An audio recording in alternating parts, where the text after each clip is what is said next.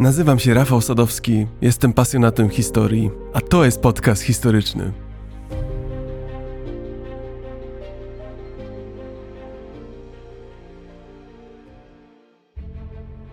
Zabieram Was dziś na prawdziwą morską przygodę.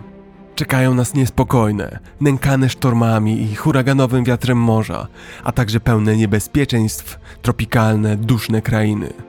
Biada temu, kto nie wytrzyma tych piekielnych warunków. Ale nie trafiło przecież na byle kogo.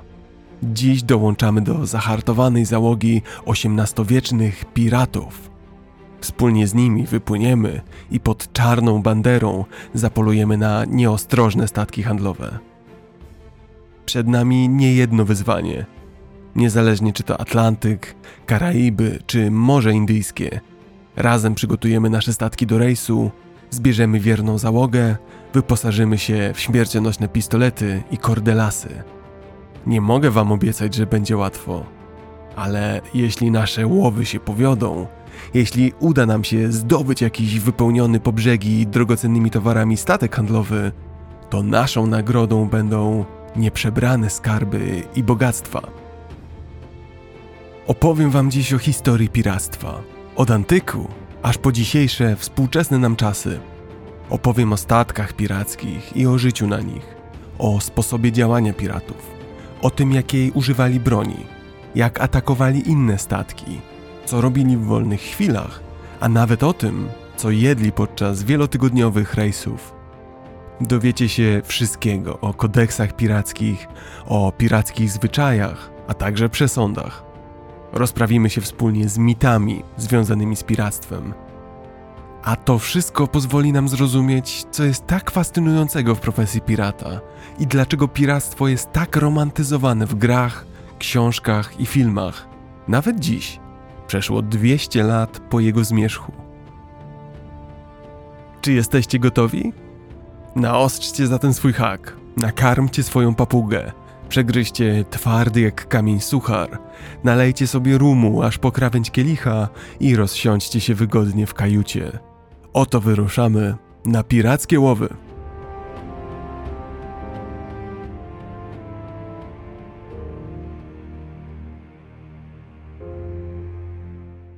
Jeszcze zanim wyruszymy na nasz statek i wypłyniemy na morze, pozwólcie, że przedstawię Wam moją wierną załogę patronów. Ludzi, którzy dorzucają swoją cegiełkę do mojego projektu dzielenia się pasją do historii, dzielenia się radością, jaką ona mi daje. Dziękuję, że jesteście, moi drodzy. Szczególnie z tego miejsca dziękuję patronom mecenasom, a są to Michał, Witold, Krystyna, Jarosław, Agnieszka, Daniel, Wojciech, Grzegorz, Rafał, Kamil, Wojciech, Filip, Nidal, Łukasz, Adam, Kamila, Marek, Adrian, Dawid, Monika, Mirek z Danusią, Maria, Paweł, Sebastian, Karol, Ewa, Tomasz, Mateusz, Zbigniew, Marta i Konrad, Przemysław, Jacek, Piotr i Barbara. Serdecznie dziękuję za to, że jesteście.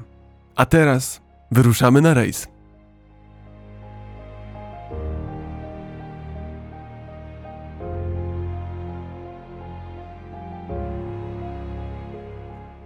Kiedy mówimy pirat, myślimy o brudatym mężczyźnie z hakiem zamiast ręki, z opaską na oku. Pływa on po oceanach, łupi inne statki, zakupuje na plaży skrzynie ze złotem, cały dzień pije nieprzyzwoite ilości rumu i ogólnie rzecz biorąc, żyje życiem awanturnika. Czy zastanawialiście się jednak, ile wspólnego z rzeczywistością ma ten obraz? I przede wszystkim, dlaczego ludzie zostawali piratami? Doskonałe pytanie. Jak to się działo, jak to się dzieje, że ktoś zostaje piratem? Nie ma na to jednej, właściwej odpowiedzi. Przede wszystkim zależy o jakich czasach mówimy. Pierwszą relacją o słynnych piratach, jaką udało mi się znaleźć, była ta o piratach cylicyjskich, mających swe siedziby w Cylicji, w południowej części Azji Mniejszej. Mieli oni pomóc Spartakusowi i jego towarzyszom w ucieczce, ale później Spartakusa zdradzili. Było to w roku 71 przed naszą erą, podczas słynnego powstania Spartakusa. Następnie mamy słynny złoty wiek piractwa między 1650 a 1730. Potem piraci berberyjscy, muzułmańscy, morscy rabusie pływający po akwenach Morza Śródziemnego i Atlantyku aż do początków XIX wieku. Dalej mamy obecne czasy, XX i XXI wiek, Somalia, Azja. Co łączy te okresy? Co łączy ludzi pływających pod piracką banderą? W niektórych przypadkach stawali się piratami z desperacji, w innych kierowała nimi żądza zysku, jeszcze w innych ku piractwu kierowały się załogi statków, które miały już po prostu dość trudnych warunków na morzu za niską wypłatę. Decydowali się na niezależność, na pracę na samego siebie, zamiast na czyjąś rzecz. Pytanie o to, dlaczego piraci stawali się piratami, jest pytaniem o ramy czasowe rozciągające się od dzisiaj aż do epoki starożytnego Egiptu, to sprawia, że nie jesteśmy w stanie odpowiedzieć konkretnie, wiarygodnie na tak postawione pytanie. To trochę tak, jak zapytać, dlaczego ludzie zostawali przestępcami. Więc może lepiej, może bardziej nietypowo będzie zapytać, czy warto było być piratem. Czy rzeczywiście było to tak romantyczne przedsięwzięcie, jak przedstawiają to filmy pokroju Piratów z Karaibów? Pogłówkujmy trochę. Załóżmy dla uproszczenia, że mówimy o najbardziej znanym okresie piractwa 1650-1730. Wtedy to piratów było najwięcej. I z tego to okresu popularny wizerunek pirata jest e, najbardziej obecny w popkulturze. Istotnie, piraci, jak zresztą większość osób poza prawem, żyli chwilą nie zastanawiali się nad możliwymi konsekwencjami swojego stylu życia, a większość z tych konsekwencji była przecież straszna. Utonięcie w morskich falach, gdy statek szedł na dno, śmierć od miecza, śmierć od kuli pistoletu, czy też armatniej, porzucenie żywcem na bezludnej wyspie, albo też bycie pojmanym przez stróżów prawa i bycie powieszonym na szubienicy. Jednego możecie być pewni – Piratom nie okazywano żadnej litości. Nigdy. Ale oni o tym na co dzień nie myśleli. Chcieli grabić swoje ofiary z przeróżnych powodów, odmiennych w zależności od czasów i miejsca. Ale to, co było wspólne, to to, że niezależnie od tego, o jakiej epoce mówimy, piracka codzienność była ponura. Zapomnijcie o obrazie nieustannej rozpusty, tańców, śpiewów na pokładzie, zabawy sowicie podlewanej rumem. To były wyjątki. A w nowożytnych czasach życie pirata było pełne trudnych emocji.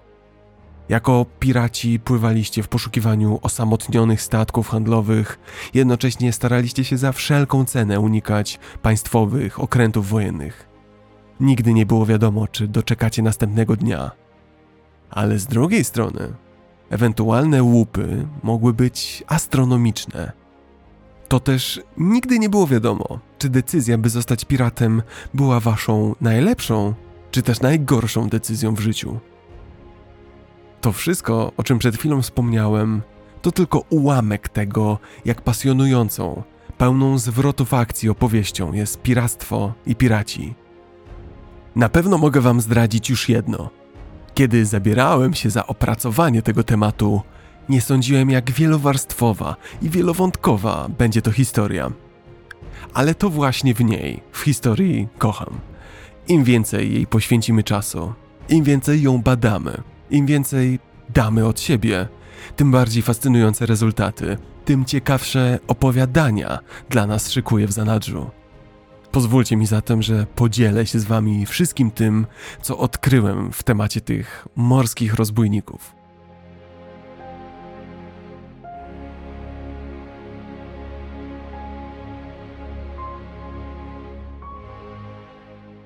Na początek ważna kwestia.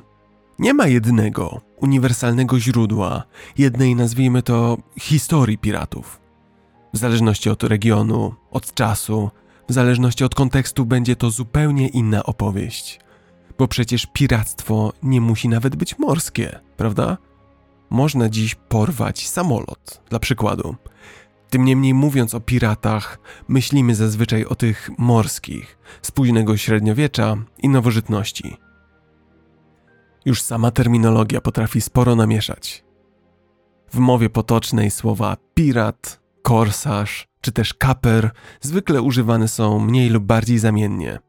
Niektórzy używają również określenia bukanier. Czy jednak te wszystkie słowa oznaczają to samo? Nie do końca. Pirat to najbardziej ogólny z tych czterech terminów. Pochodzi od łacińskiego słowa pirata, które z kolei wywodzi się z greki i oznacza tyle co bandyta. Określenie piractwo jest zazwyczaj stosowane wobec szerokiego zakresu żeglarskich występów, w tym przybrzeżnych najazdów, jak i też przejmowania statków na pełnym morzu. Kaper i korsarz to dwa bliskoznaczne terminy, często używane wymiennie. Najczęściej kaper odnosił się do Morza Bałtyckiego i Północnego, a korsarz do Morza Śródziemnego. Najłatwiej jest zapamiętać, że kaper i korsarz, w przeciwieństwie do działających całkowicie poza prawem piratów, mieli pewne cechy legalności, pewne umocowanie prawne. Kaper to pirat z dokumentami, z listami kaperskimi. Jak sama nazwa wskazuje, kaprowie byli prywatnymi podmiotami, którym rządy zlecały prowadzenie działań quasi-militarnych. Można powiedzieć, że byli takimi morskimi najemnikami.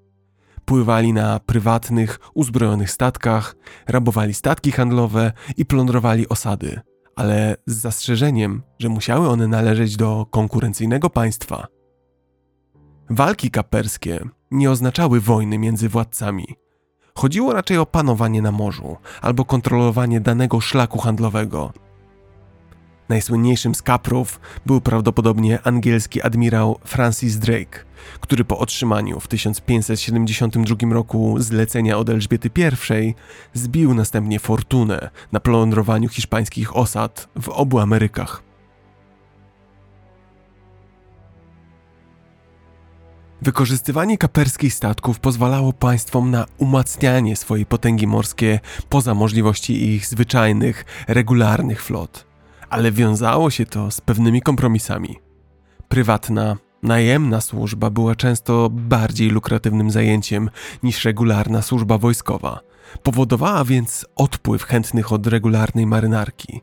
Po prostu bardziej opłacało się walczyć pod prywatną banderą niż w państwowej armii. Bywało też, że kaperstwo miało swoją mroczną stronę. Kaprowie wykraczali czasem poza swoje umocowania, atakowali statki, które nie należały do kraju będącego celem listów kaperskich. Takie nielegalne najazdy i grabieże tak naprawdę niczym nie różniły się od piractwa. Innym razem bywało, że zwyczajni piraci działali za cichym przyzwoleniem danego rządu, bez pisemnego upoważnienia, które otrzymywali kaprowie. W kontekście historycznym granica między kaprami a piratami często była rozmyta. Teraz korsarze. Termin korsarz, jak wspomniałem, ma wiele wspólnego z kaprem. Chcąc być precyzyjnym, korsarzami najczęściej określa się marynarzy działających na Morzu Śródziemnym – to właśnie na Morzu Śródziemnym, mniej więcej od końca XIV do początku XIX wieku, Imperium Osmańskie toczyło spór z chrześcijańskimi państwami Europy o dominację na morzu. Po obu stronach walka toczyła się przy pomocy zarówno konwencjonalnych flot, jak i sankcjonowanych przez państwo najemników morskich, zwanych korsarzami właśnie. A bukanierzy? Ten termin jest chyba najbardziej tajemniczy. Ale co jeśli wspomnę, że niejaki Jack Sparrow był bukanierem? Takie jak termin korsarz jest charakterystyczny dla Morza Śródziemnego, tak termin bukanier jest charakterystyczny dla Karaibów i wybrzeży Pacyfiku w Ameryce Środkowej. Nazwa bukanier pochodzi od francuskiego boucan, co oznaczało grill do wędzenia mięsa. Tę nazwę stosowano do francuskich myśliwych polujących na dzikie zwierzęta, które mieszkały w zachodniej Hispanioli, czyli na Haiti, na początku XVII wieku.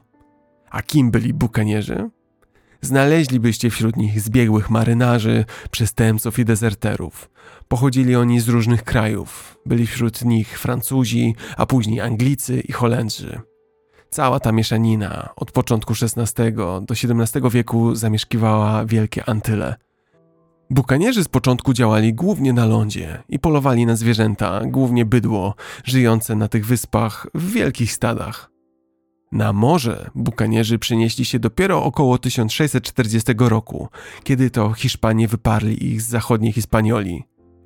Oczywiście ich działalność mało miała wspólnego z tą pokojową. Ich główną bazą była Tortuga koło Hispanioli, a po zdobyciu przez Anglię Jamajki Port Royal. Najpierw bukanierzy otrzymali od Imperium Brytyjskiego dokumenty, które dawały im swobodę w łupieniu hiszpańskich jednostek, a dalej, w drugiej połowie XVII wieku, bukanierzy wprowadzili już rządy terroru na całym obszarze Morza Karaibskiego. Tak więc mówienie o piratach z Karaibów tak naprawdę oznacza mówienie o bukanierach.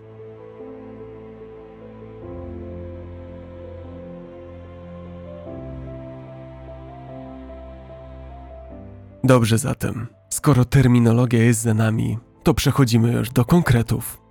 A zaczniemy od małego eksperymentu.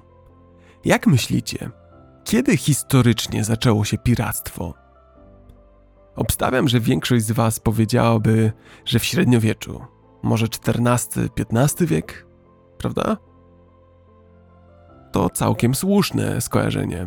Dla wielu osób termin pirat kojarzy się właśnie z obrazami, które mają swoje źródło w złotym wieku piractwa, XVII i XVIII wiek. To właśnie z tego okresu pochodzą legendarni piraci, jak Czarnobrody czy Kapitan Kidd, ale także ich fikcyjne odpowiedniki, jak wspomniany już pełen uroku i swady kapitan Jack Sparrow.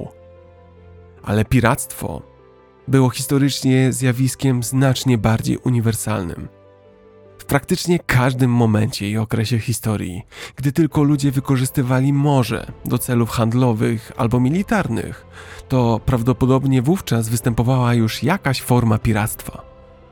Tak, nie przesadzam, choć ten najsłynniejszy czas piractwa, złota era piratów to XVII i XVIII wiek, to dziś wiemy, że piractwo towarzyszy nam już od tysięcy lat, od antyku i to właśnie do antyku zapraszam Was w pierwszej kolejności.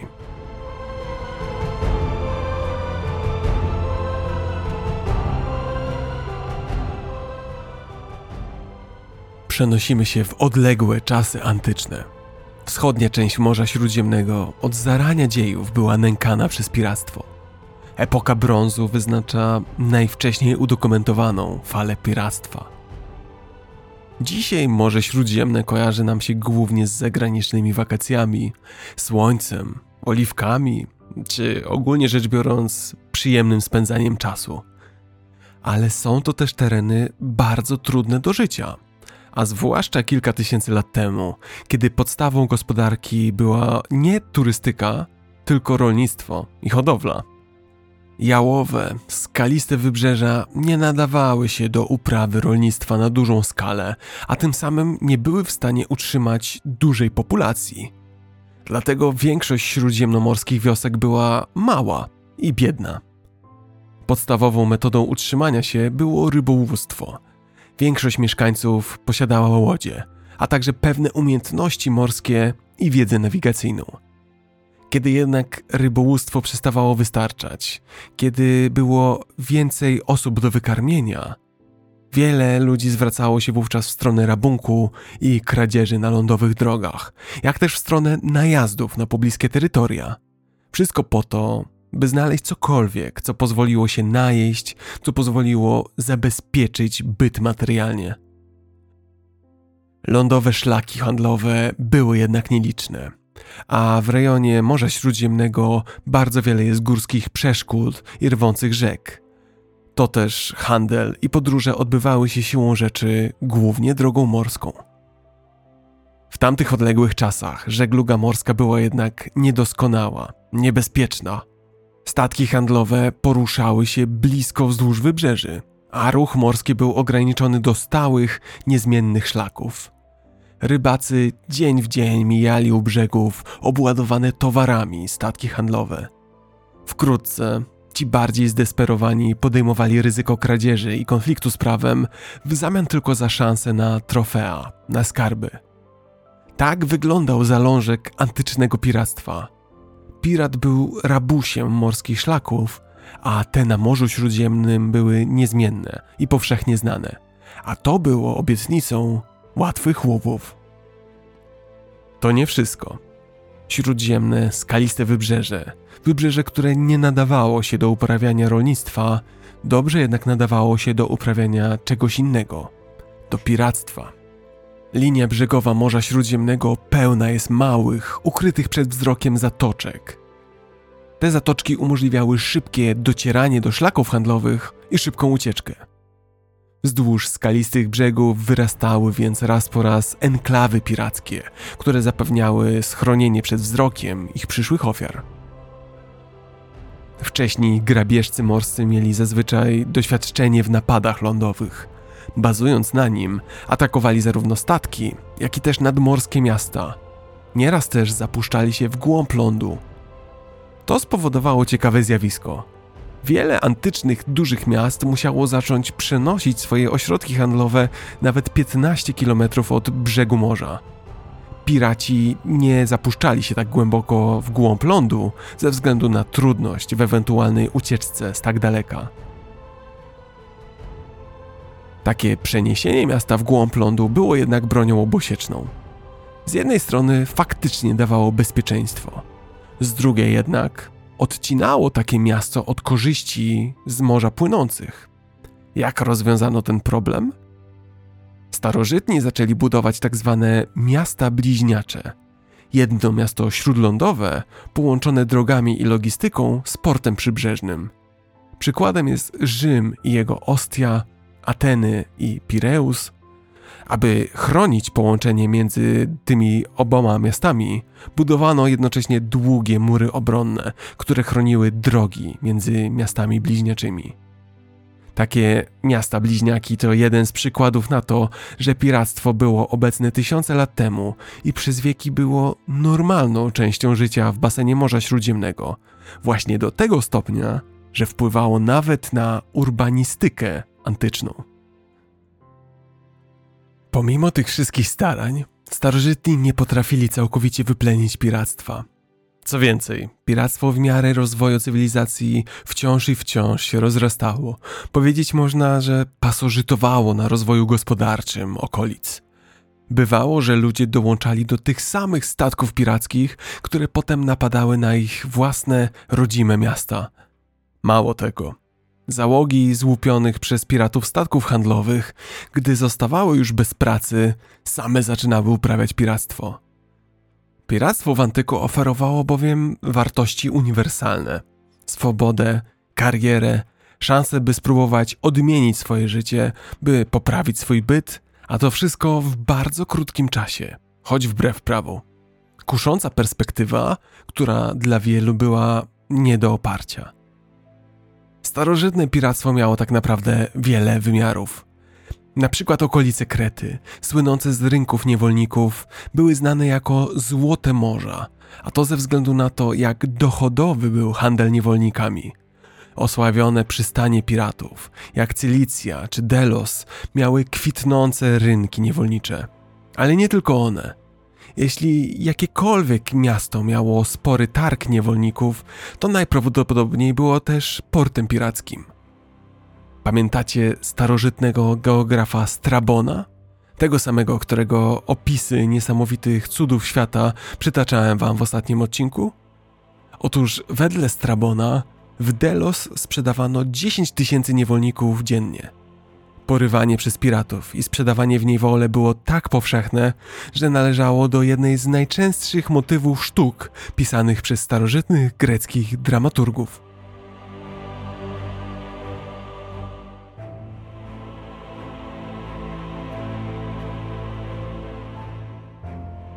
Pamiętajcie jedno – Choć piractwo było powszechnym, antycznym zjawiskiem, to jednak błędem jest uważać, że postrzegano je za naturalny, normalny stan rzeczy. Podobnie jak w późniejszych czasach, aktywnie z nim walczono.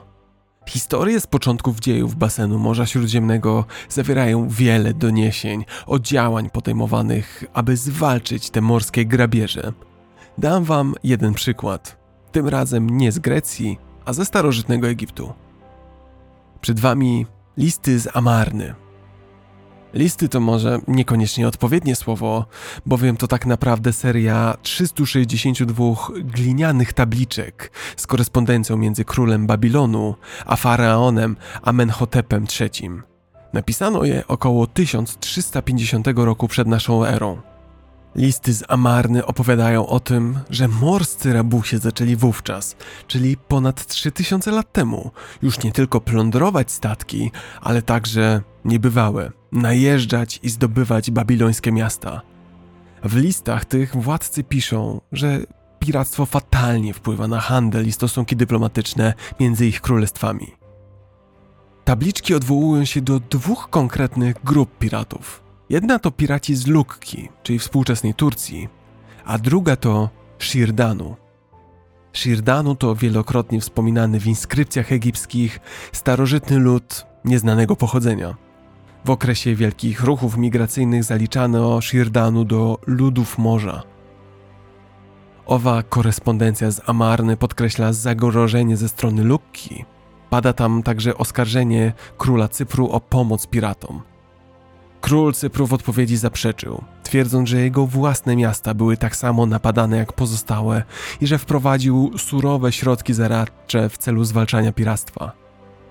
Prawie 100 lat później Shirdanu nadal stanowili zagrożenie, a Ramzes II napisał: Shirdano przybywają śmiało, płynąc w swoich okrętach wojennych i nikt nie wie, jak skutecznie z nimi walczyć. Nikt nie jest w stanie się im przeciwstawić.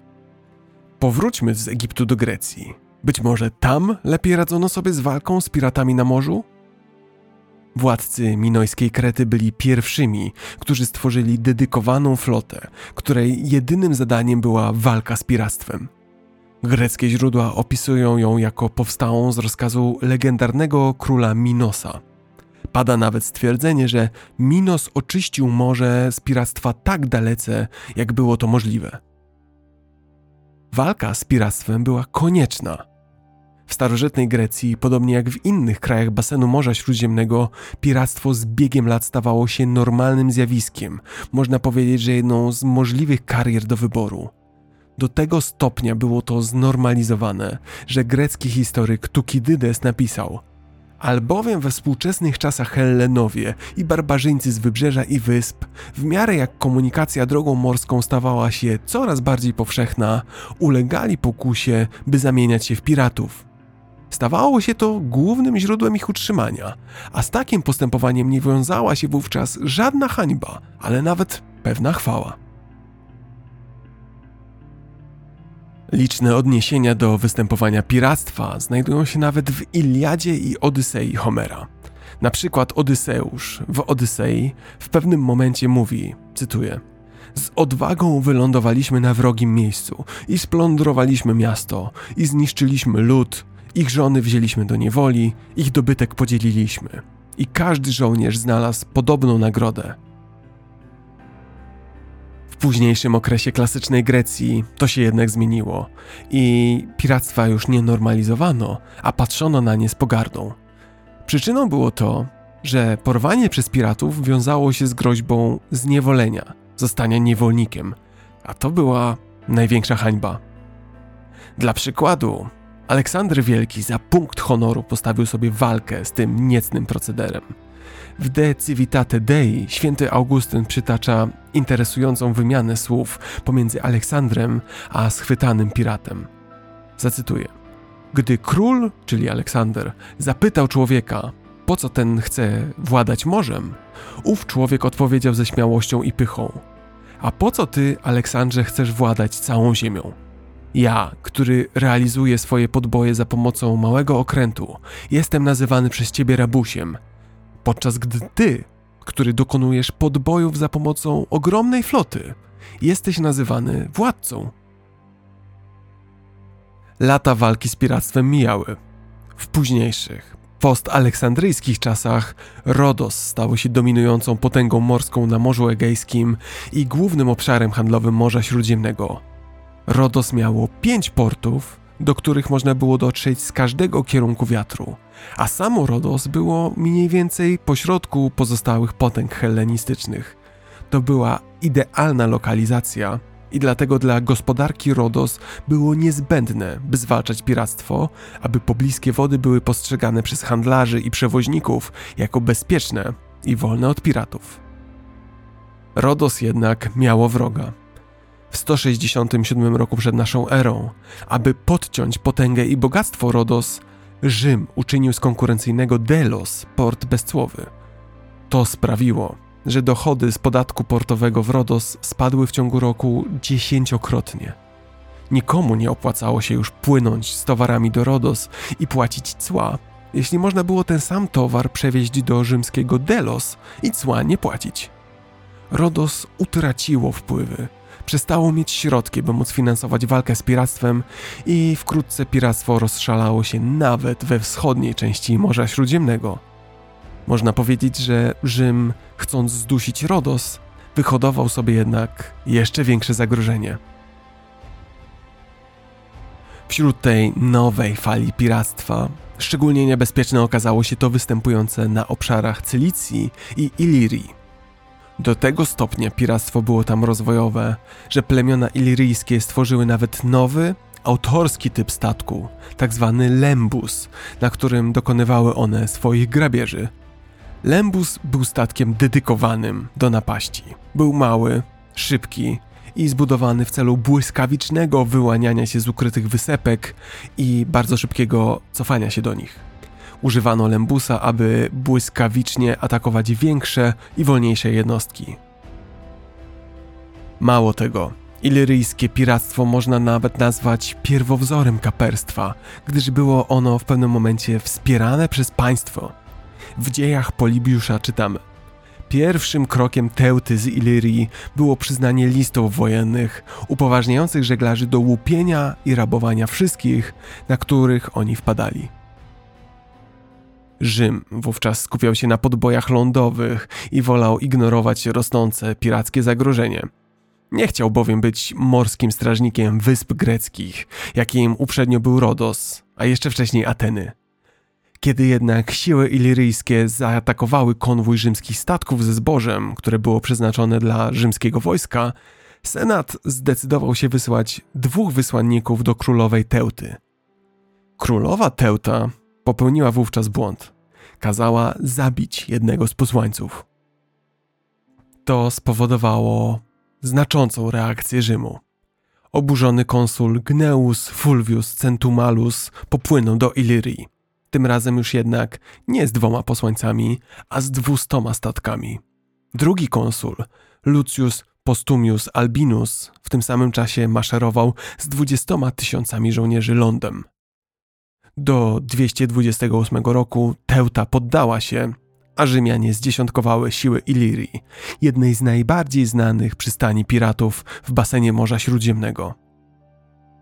Jak widać, Niełatwo było sprowokować Rzym do interwencji, ale gdy już to się udało, konsekwencje były znaczące.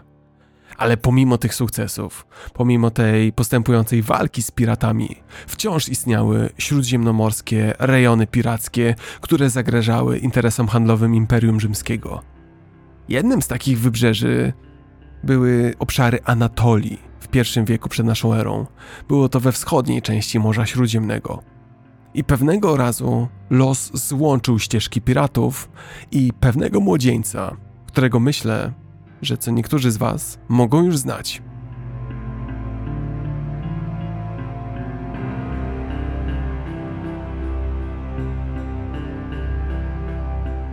W 75 roku przed naszą erą 25-letni Juliusz Cezar płynął po Morzu Egejskim, gdy został porwany przez piratów. Piraci, którzy go pojmali, zażądali okupu w wysokości 20 talentów srebra. 20 talentów srebra to w przeliczeniu 620 kg, a wedle dzisiejszych cen daje to bagatela 1 500 tysięcy złotych. Według Plutarcha Cezar, gdy usłyszał o wysokości proponowanego okupu, wyśmiał nieudolnych piratów i nakazał, by zażądali za Cezara godnego okupu 50 talentów srebra. 50 talentów srebra to naprawdę niemała ilość.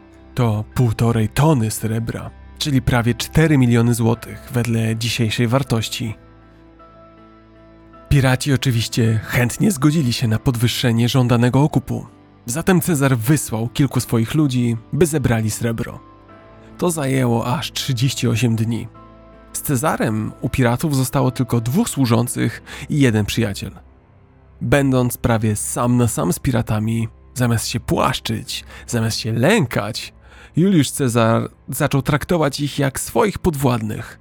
Wydawał im rozkazy, karcił ich, żądał, by zachowali ciszę, by nie rozmawiali, gdy akurat postanowił się zdrzemnąć albo pójść spać. Większość czasu Cezar u piratów spędził pisząc poezję i przemowy. Następnie recytował te utwory piratom. Włączał się także w różne gry i brał udział w ich ćwiczeniach. Ogólnie zachowywał się tak, jakby nie był więźniem, ale raczej ich nieformalnym przywódcą. Zaskoczeni taką postawą młodzieńca, piraci szybko zaczęli go szanować i lubić, pozwalając mu na robienie tego, co mu się podoba na wyspie i na statkach. Cezar, choć był z piratami już praktycznie zaprzyjaźniony, ciągle w głębi czuł upokorzony się tym, że musi spędzać czas z barbarzyńcami i to w niewoli. Przysiągł im, że pomimo tej sympatii do nich, zapoluje na nich i każe ich ukrzyżować, gdy tylko okup zostanie zapłacony. Rozbawiło to wówczas, rzecz jasna, słyszących to piratów. Po uwolnieniu udało się Cezarowi szybko zebrać małą flotę i oddział zbrojnych, których zabrał z powrotem na wyspę, na której przetrzymywali go piraci. Najwyraźniej nie potraktowali oni jego poprzednio rzuconych gruźb poważnie, ponieważ wciąż tam przebywali i z niemałym zaskoczeniem ponownie ujrzeli młodego Juliusza Cezara. Ten schwytał ich i odebrał 50 talentów srebra opłaconego poprzednio oraz dodatkowo zabrał cały ich dobytek. Następnie Cezar przekazał piratów władzom w więzieniu w Pergamonie, po czym udał się na spotkanie z prokonsulem Azji, Markiem Juniusem, by poprosić o egzekucję jego ciemiężycieli. Prokonsul odmówił, chciał bowiem sprzedać piratów jako niewolników i wziąć łupy dla siebie. Niezadowolony Cezar nie odpuścił udał się z powrotem do pergamońskiego więzienia i nakazał okrzyżować wszystkich piratów, co też z jego rozkazu uczyniono. W ten krwawy sposób Cezar spełnił swoją przysięgę, którą złożył piratom, będąc jeszcze w ich niewoli. Historię Juliusza Cezara i jego spotkania z piratami już znacie antyczne opisy piractwa, chciałbym zaś zakończyć historią drugiej osoby. Osoby, której ja sam jeszcze niedawno w ogóle nie posądzałem o to, że może mieć tak ciekawy życiorys i również powiązany z piratami. Przed wami święty Patryk, patron Irlandii.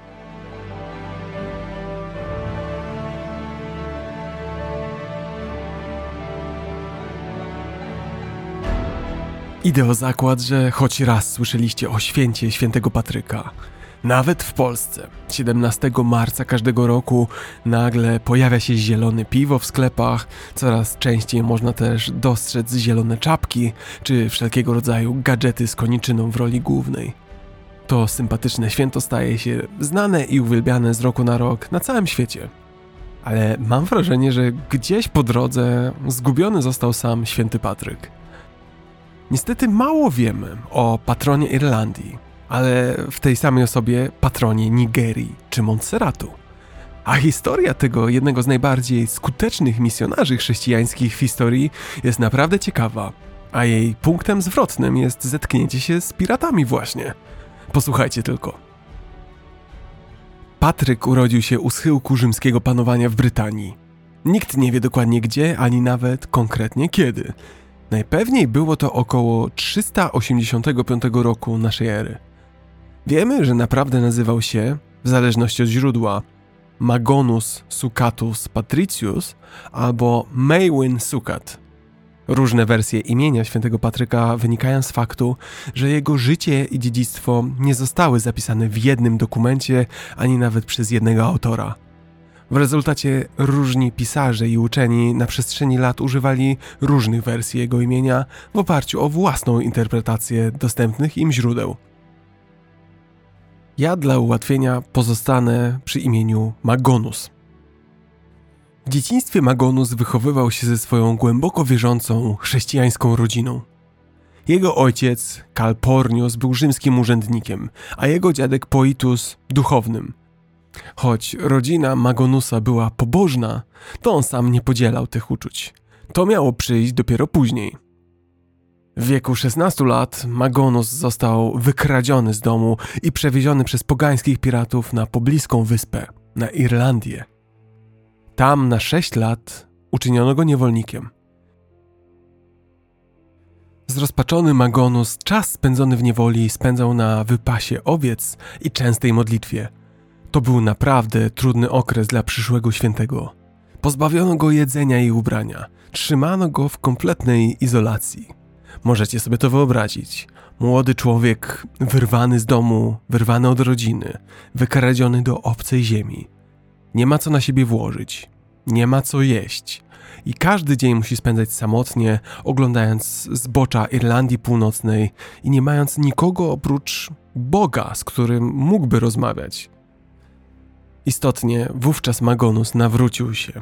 Modlił się nawet sto razy za dnia i kolejne sto razy w nocy. W końcu modlitwy Magonusa zostały wysłuchane. Pewnej nocy anioł przyszedł do niego we śnie i nakazał mu powrót do domu. Wiernie pościłeś, powiedział. Bardzo szybko więc wrócisz do swojego rodzinnego kraju. Ów anioł powiedział również, że na Magonusa czeka statek. Jaki statek, tego Magonus jeszcze nie wiedział, ale z odwagą, z Bożą misją wyruszył w drogę, poszukując takiego statku, który zabierze go z powrotem do domu. Pieszo przemierzył ponad 300 kilometrów przez surowe irlandzkie lasy, bagna i zarośla, aż w końcu dotarł do nadbrzeżnego portu. Najpewniej był nim Wexford. Okazało się, że anioł miał rację. Oto duży statek handlowy rzeczywiście przygotowywał się właśnie do wypłynięcia. Początkowo kapitan statku odmówił jednak wejścia na pokład Magonusowi. Ten zaczął się przy wszystkich modlić, prosząc na głos Boga o pomoc. Pytał się do niebios, co ma robić. Wtedy to jeden z członków załogi statku dostrzegł nadbiegające z daleka postacie. Krzyknął do Magonusa: Czym prędzej wchodź na pokład. Jacyś ludzie cię gonią, coś krzyczą. Nie wiemy, czy porywacze przyszłego świętego deptali mu po piętach przez setki kilometrów i oto właśnie nadchodzili, czy też być może ktoś przypadkiem pojawił się wówczas i coś krzyknął. Patryk i inni zinterpretowali to jako wolę Bożą.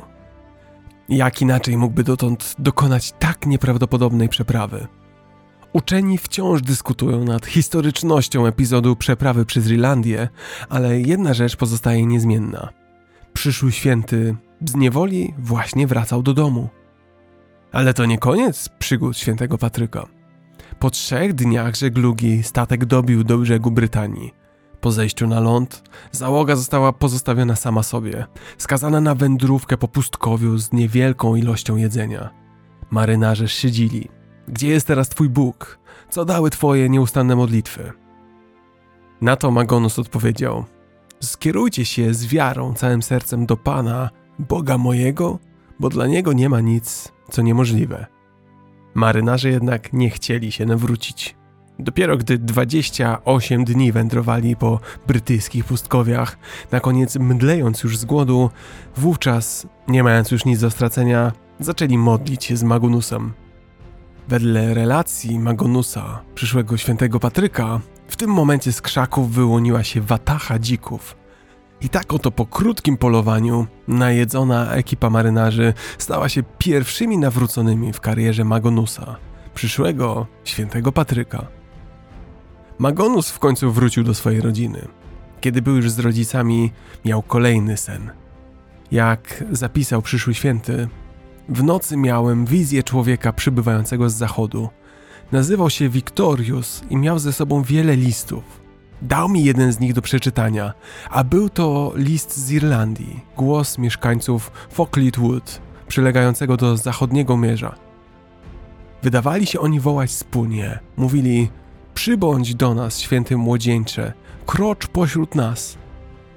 Wzruszyłem się i nie byłem w stanie czytać dalej. Wówczas się obudziłem ze snu. Magonus postanowił więc wrócić na pogańską wyspę.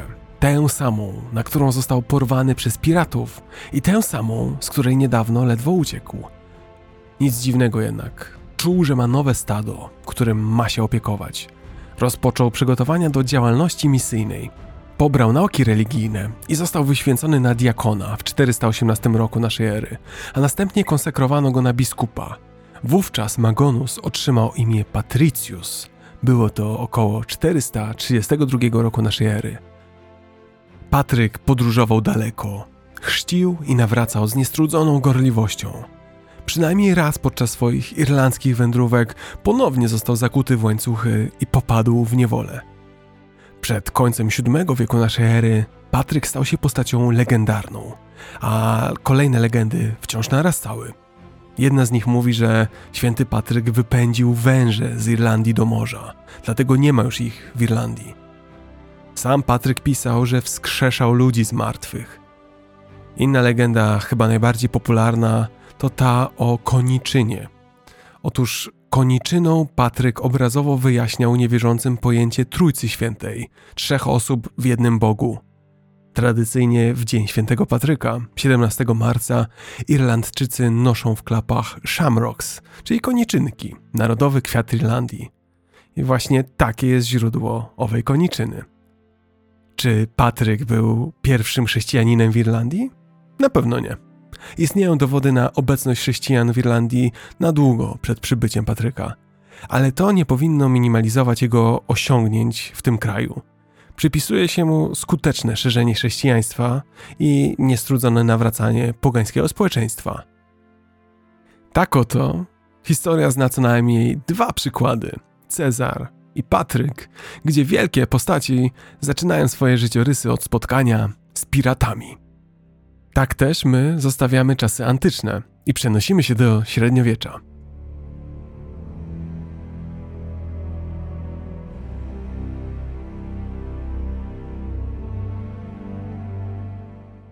Zostawiamy czasy antyczne i przenosimy się w czasie do średniowiecza. Tu również piractwo było obecne i powszechne. Najbardziej znanymi i najdalej wędrującymi piratami w średniowiecznej Europie byli znani wam wikingowie, morscy wojownicy ze Skandynawii, którzy to najeżdżali i łupili przeważnie między VIII a XII wiekiem. Napadali na wybrzeża, rzeki i miasta całej Europy Zachodniej. Atakowali nawet wybrzeża Afryki Północnej i Włoch. Plądrowali wybrzeża nawet naszego rodzimego Morza Bałtyckiego. Niektórzy wikingowie zapuszczali się do Europy Wschodniej aż do Morza Czarnego. Ale średniowiecze i piractwo to nie tylko wikingowie. Na średniowiecznych wodach działo się bowiem naprawdę wiele. Najpierw Maurowie, średniowieczne ludy zamieszkujące znaczne partie Półwyspu Iberyjskiego. W większości byli to Berberowie z niewielką domieszką Arabów. Pod koniec IX wieku wzdłuż wybrzeży południowej Francji i północnych Włoch powstały mauryjskie przystanie pirackie. Bardzo dokuczali oni europejskim włodarzom. Na przykład w 911 roku biskup Narbony nie mógł wrócić z Rzymu do Francji, ponieważ Maurowie czaili się na wszystkich drogach powrotnych. Dalej, w latach 824-961 piraci arabscy z Emiratu Kretyńskiego napadali na całym Morzu Śródziemnym. Następnie pojawiła się średniowieczna kwestia Narentan. Narentanie to drobne plemię słowiańskie, które około połowy VII wieku uformowało się na wybrzeżu adriatyckim, na wschód od chorwackiego Splitu. Plemię Narentan ożywiło stare, wspominane już iliryckie zwyczaje pirackie. Od VII wieku Narentanie często napadali na Adriatyk. Ich najazdy zaczęły przybierać na sile, aż wkrótce całe morze przestało być bezpieczne dla podróżnych. Narentanie byli cyniczni w swoim postępowaniu. Intensyfikowali swoje grabieżcze wyprawy, gdy wenecka marynarka była za granicą. Gdy zaś flota wenecka wracała na Adriatyk, chwilowo znów porzucali swoje zwyczaje, a nawet podpisywali traktaty pokojowe, ochrzcili raz swojego chrześcijańskiego, pogańskiego przywódcę. W ten cyniczny sposób latami kontynuowali swoje adriatyckie piractwo. W 834 roku ponownie napadli na weneckich kupców wracających z Beneventu, a wszystkie militarne próby ukarania ich przez Wenecję zakończyły się niepowodzeniem. W 846 roku Narentanie przydarli się do samej Wenecji. Spowodowało to odpowiedź zbrojną Bizancjom, niestety nieudaną. Wenecjanie bezskutecznie kontynuowali walkę przez cały X i XI wiek. Ostatecznie w drugiej połowie XI wieku terytoria Narentan, zarówno lądowe, jak i wyspy, wcielił do Chorwacji król Piotr Krzesimir IV. Ale porzućmy na chwilę ciepłe rejony Morza Śródziemnego i Adriatyku. Czy wiedzieliście, że mieliśmy piratów nawet na Bałtyku? I nie chodzi mi tu o wspomnianych już wikingów. Mam na myśli naszych rodzimych, słowiańskich piratów. Tak, w rejonie Morza Bałtyckiego już od VIII do XIV wieku żyły grupy piratów pochodzenia słowiańskiego. Początki osadnictwa słowiańskiego na południowych wybrzeżach Bałtyku i tworzenia przez nich wspólnot plemiennych sięgają VI wieku. W IX wieku plemiona słowiańskie zaczęły aktywnie uczestniczyć w handlu z Europą Środkową, Wschodnią i Północną. Szczególną rolę w tym handlu, zwłaszcza z krajami Półwyspu Skandynawskiego, odgrywały zachodniosłowiańskie miasta portowe. W miarę upływu czasu nabierały coraz większego znaczenia dla wypraw morskich. Ekspansja zewnętrzna ludów skandynawskich wzdłuż bałtyckich wybrzeży rozpoczęła się pod koniec VIII wieku i trwała aż do połowy XI. Pod koniec tego okresu Skandynawowie zaczęli organizować wyprawy morskie na najbardziej rozwinięte gospodarczo tereny zamieszkane przez Słowian, głównie Pomorze Zachodnie. W ten sposób ludy słowiańskie miały wzór. Zaczęły stopniowo zdobywać coraz większe umiejętności, zarówno w sztuce budowy okrętów wojennych, jak i w walce na morzu. I tak z czasem słowiańscy piraci zaczęli nękać skandynawskie wybrzeża Bałtyku, wdzierając się niekiedy głęboko w nordyckie terytoria. Od połowy XI do końca XII wieku Słowianie byli zmorą północnych wybrzeży i odgrywali znaczną rolę na Bałtyku.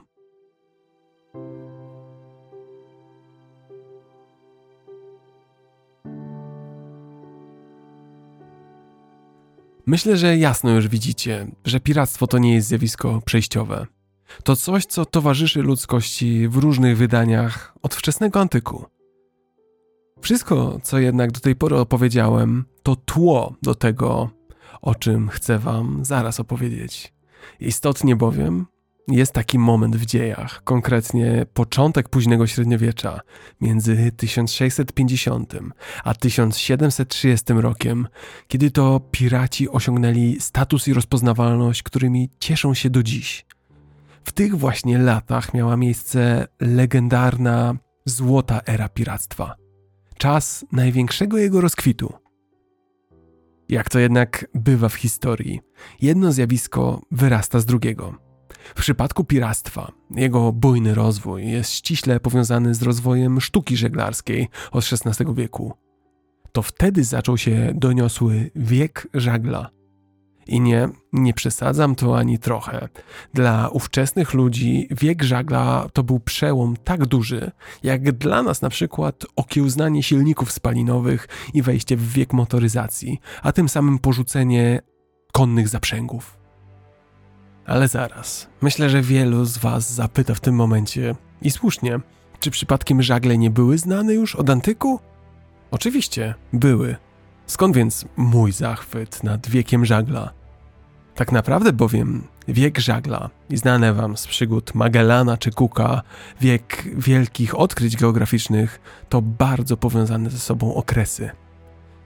Wiek żagla i wiek odkryć geograficznych choć ściśle powiązane ze sobą, to nie są te same rzeczy. Wiek odkryć odnosi się do okresu od XV do XVI wieku, kiedy to europejscy odkrywcy po raz pierwszy zaczęli wyruszać poza własne europejskie brzegi i odkrywali i kolonizowali obie Ameryki, Azję i Afryki. Z drugiej strony, wiek żagla to szerszy okres, obejmujący od XVI do połowy XIX wieku, kiedy to żaglowce zdominowały światowy handel i działania wojenne. Choć ludzkość używała żagli do napędzania statków od tysięcy lat, to właśnie rozwój większych, bardziej wyrafinowanych żaglowców umożliwił odkrywcom przepływanie oceanów i docieranie do nowych lądów. Nowoczesne statki były w stanie pokonywać duże odległości i przewozić ogromne ładunki, a to umożliwiło europejskim potęgom zakładanie odległych kolonii i angażowanie się w handel międzynarodowy. Wiek żagla charakteryzował się znacznym postępem w technologii budowy statków, w tym wprowadzeniem masztów, większych żagli i lepszych instrumentów nawigacyjnych. W tym okresie żaglowce stały się dominującym środkiem transportu towarów i ludzi, a starcia morskie były w dużej mierze prowadzone przez żaglowce. Koniec wieku żagla nastąpił dopiero wraz z wprowadzeniem napędu parowego w połowie XIX wieku, a co zatem dalej szło, rozwojem nowoczesnych statków parowych. Tak więc, choć ludzie używali żagli do napędzania statków od tysięcy lat, to właśnie rozwój większych, bardziej zaawansowanych żaglowców podczas wieku odkryć geograficznych i wieku żagla pozwoliły na zmianę światowego handlu, zmianę sposobu działań wojennych i zmianę sposobu prowadzenia odkryć. Tak to już bowiem bywa w historii, że jedno zjawisko napędza drugie. Jednak tym razem historia postanowiła nas zaskoczyć. Tym razem, prócz wieku żagla i ery wielkich odkryć geograficznych, zaczęło rosnąć trzecie zjawisko. Myślę, że się już domyślacie. Mowa o rozpoczynającej się złotej erze piractwa. Od końca XVI do początku XVII wieku wiek żagla trwał równolegle ze złotym wiekiem piractwa na całym świecie – Nowe osady, szczególnie te na Morzu Karaibskim, były bardzo oddalone od swoich macierzystych europejskich państw. Tym samym były oddalone od praw ojczystych.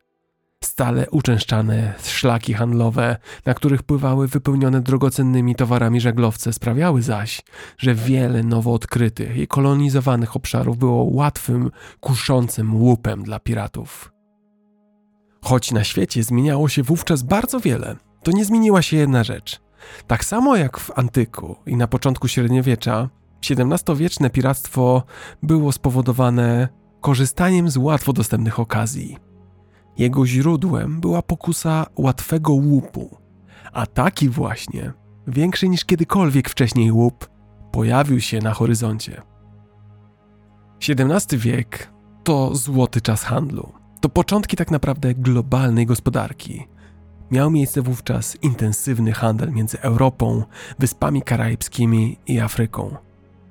Potężne statki handlowe, statki, które należały do Francji, Hiszpanii, Anglii czy Holandii, przywoziły tysiące niewolników z Afryki na Karaiby. W drodze powrotnej z Karaibów zabierały zaś egzotyczne towary z powrotem do Europy. Piraci działający na Karaibach atakowali statki po tym, jak te wyładowywały niewolników i zabierały drogocenne towary na powrót do Europy. U wybrzeży Afryki zaś napadano na statki z niewolnikami, by zdobywać kosztowności i jeńców. Zdradzę Wam jeszcze jedną rzecz. W historii jest pewna tendencja, że rozwój technologii najszybciej zachodzi podczas konfliktów. Nie bez przyczyny mówimy przecież o wyścigu zbrojeń Podobnie było w wieku żagla. W tym czasie nieustannie opracowywano nowe technologie, które pomagały chronić żaglowce towarowe. Postępy w konstrukcji samych statków pozwalały im poruszać się szybciej, przewozić więcej ładunków i mieć lepsze uzbrojenie. Ale minusem tych innowacji było to, że taki zaawansowany, nowoczesny statek, jeśli został mimo wszystko zdobyty przez piratów, to pozwalał im wykorzystać tę lepszą, nowocześniejszą konstrukcję. A zatem ponownie, wiek żagla napędzał piractwo. Przenosimy się zatem do złotej ery piractwa.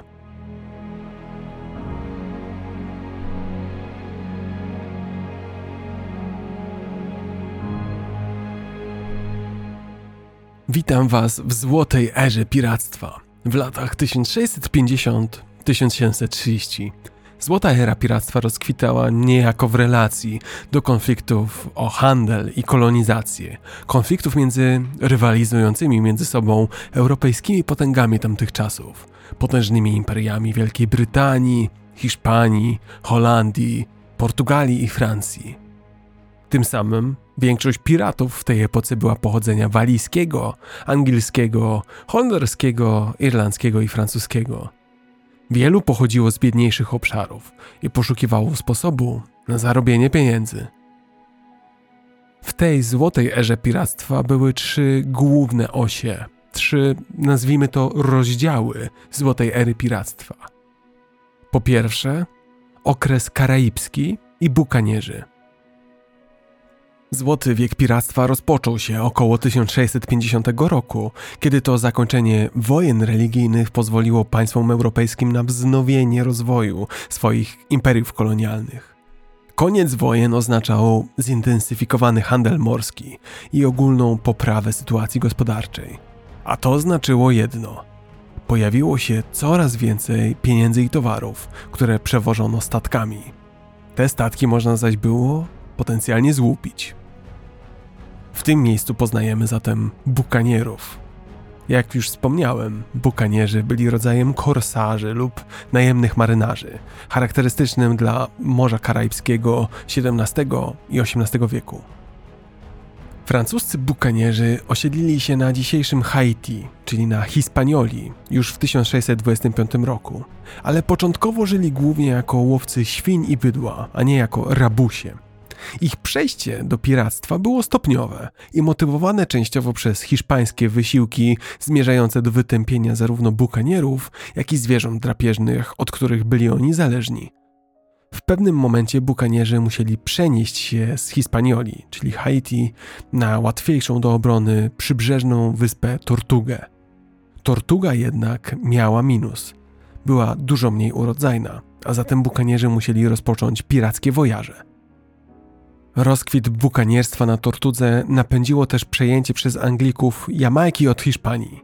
Było to w 1655 roku i nowi angielscy gubernatorzy Jamajki zaczęli przyznawać listy kaperskie bukanierom z Tortugi. Taki list kaperski, jak wiecie, to upoważnienie przyznawane kapitanom obcych okrętów przez rządy innych państw. Taki list umożliwiał ściganie, zatapianie albo konfiskatę statków wroga, jak i też ładunków. Rozwój położonego na Jamajce Port Royal zapewnił bukanierom dochodowe i łatwe miejsce do sprzedawania swoich łupów. Zerknijcie zresztą na mapę. Jamajka jest dużo bliżej, nazwijmy to, środka otoczonego lądem Morza Karaibskiego, niż położona tak naprawdę już na otwartym Atlantyku Tortuga, te wszystkie warunki doprowadziły karaibskie korsarstwo, czyli bukanierstwo, do zenitu. Pora na drugi po Karaibach rozdział Złotej Ery Piractwa. Po drugiej stronie świata, na Morzu Indyjskim, na wschód od Afryki, osią piractwa była tak zwana piracka runda, czy też trasa piracka. Trasa piracka była znaczącym szlakiem żeglarskim, którym podążali głównie angielscy piraci pod koniec XVII i na początku XVIII wieku. Trasa prowadziła z zachodniego Atlantyku, z Nowego Świata, czyli Ameryk. Wiodła przez cały Atlantyk, aż do portugalskiej Madery, gdzie zazwyczaj dokonywano pierwszego uzupełnienia zapasów. Następnie trasa prowadziła w dół zachodniego brzegu Afryki, dalej wokół południowego krańca Afryki, przylądka Dobrej Nadziei. Później, po opłynięciu Afryki, zatrzymywano się na Madagaskarze, a następnie kierowano się ku takim celom jak wybrzeża Jemenu i Indii. Trasa piracka była w dużej mierze współbieżna z trasami statków kompanii wschodnioindyjskiej, trasami okrętów należących do Wielkiej Brytanii i innych narodów. Dlaczego jednak piractwo na Karaibach wygasło i przeniosło się na drugą stronę świata?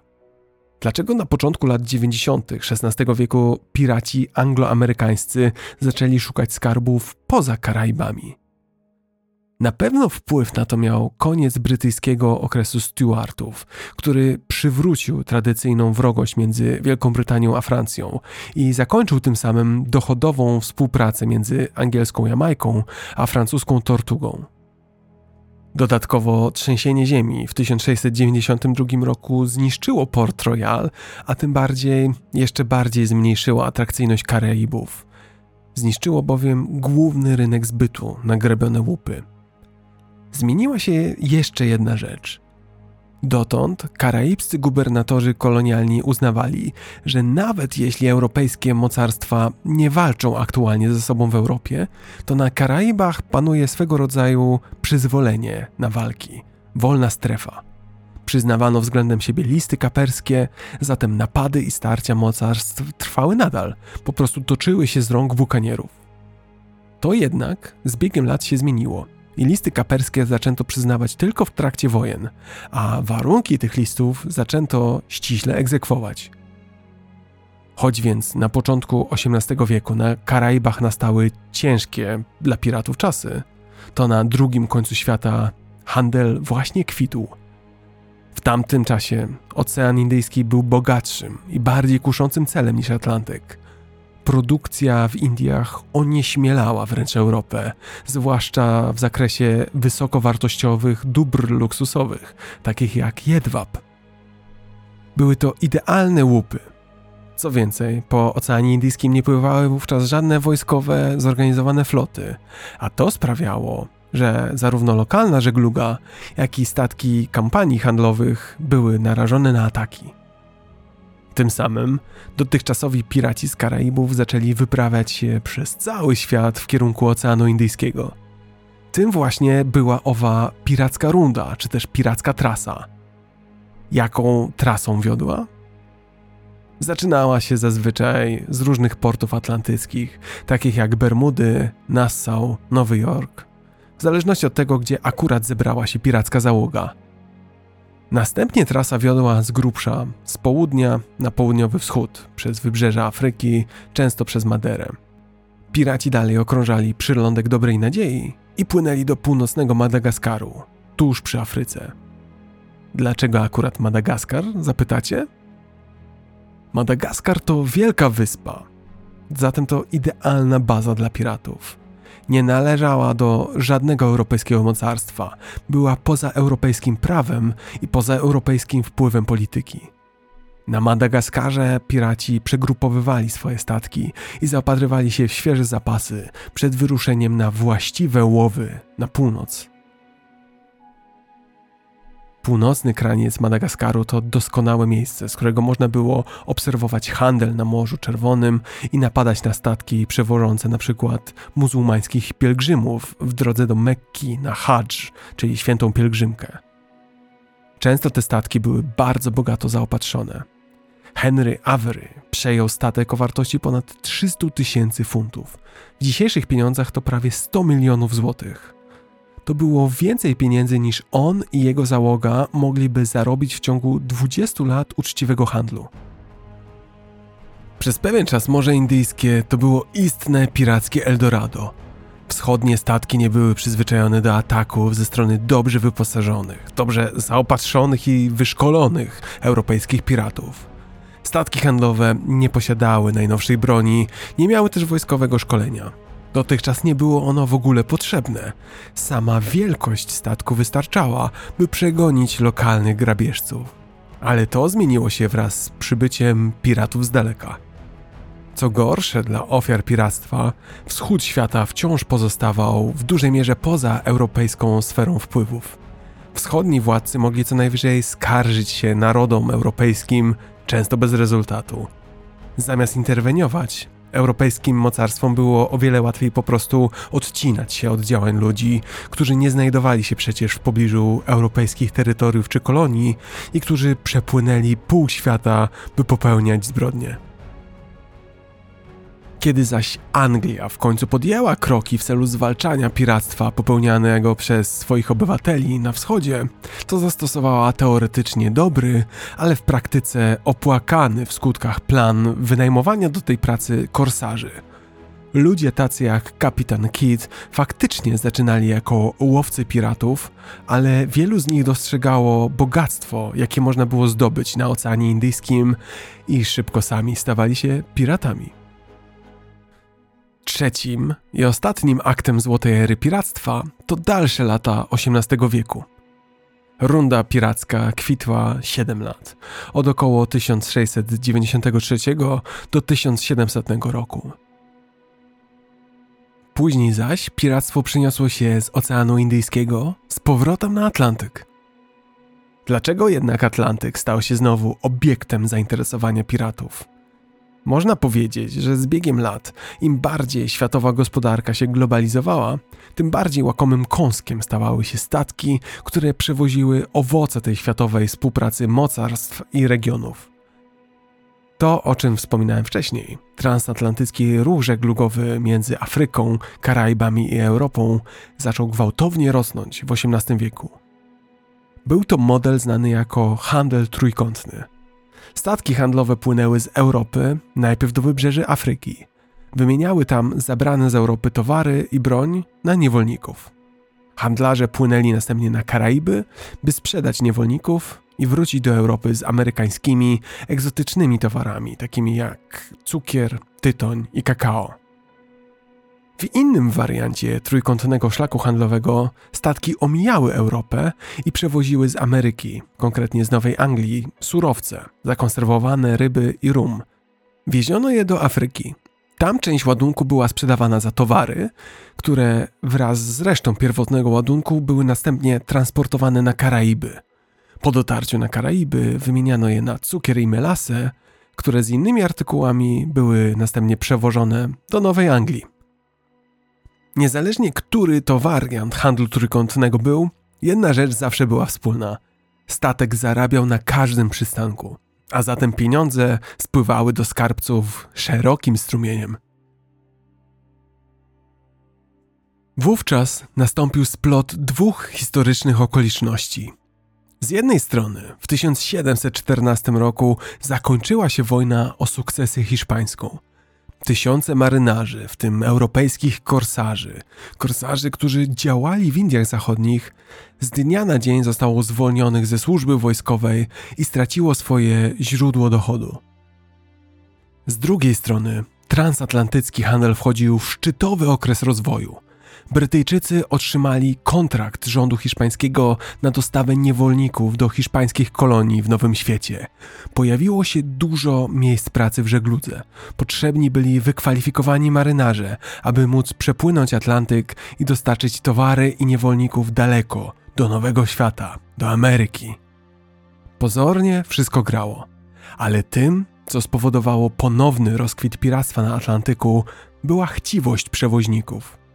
Widząc, ilu jest chętnych do pływania na statkach, wykorzystywali oni nadwyżkę siły roboczej do obniżania wynagrodzeń, do narzucania bardzo krótkich terminów dostaw i do obniżania warunków na pokładzie swoich statków. Chętnych było przecież aż nadto, a zatem nie trzeba było się wcale starać, by skłonić byłych marynarzy do zaokrętowania się w nowym miejscu pracy. W efekcie marynarze nieraz cierpieli na śmiertelność równie wysoką, co transportowani przez nich niewolnicy. Co było dalej? Warunki życia stały się tak złe, że wielu marynarzy zaczęło wybierać swobodniejszą egzystencję jako piraci. Zwiększony ruch handlowy stanowił gwarancję, że łupu nie zabraknie nikomu, kto tylko decydował się na pływanie pod piracką flagą. A skoro nie mieli już nic do stracenia, to dlaczego nie spróbować pirackiego fachu?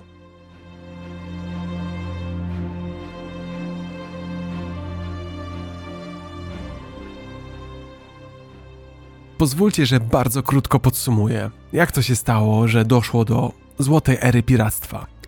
Oto cztery powody, cztery najważniejsze powody, dla których piractwo choć obecne od czasów antycznych tak bardzo rozwinęło się w złotym wieku piractwa w okresie między 1650 a 1730.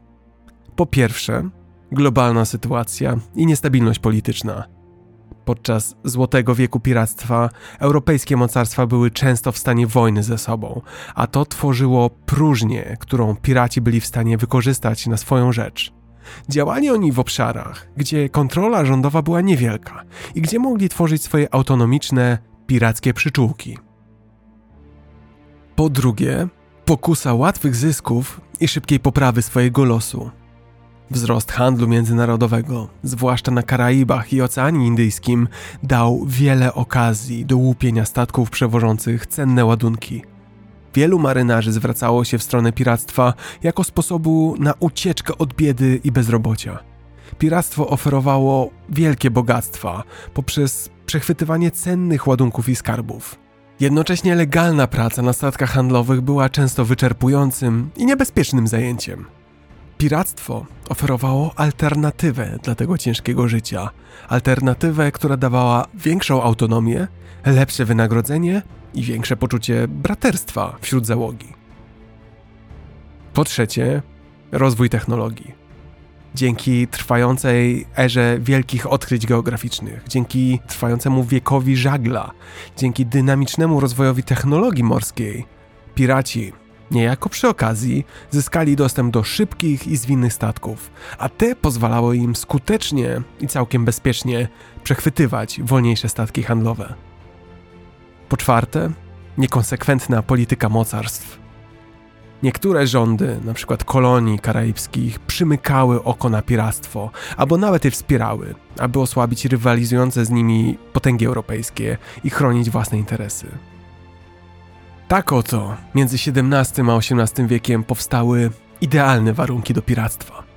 Z jednej strony rozkwit handlu, z drugiej piractwo stało się sensowną alternatywą dla ludzi dotychczas związanych z morzem. Tym samym na dobre rozpoczęła się złota era piractwa.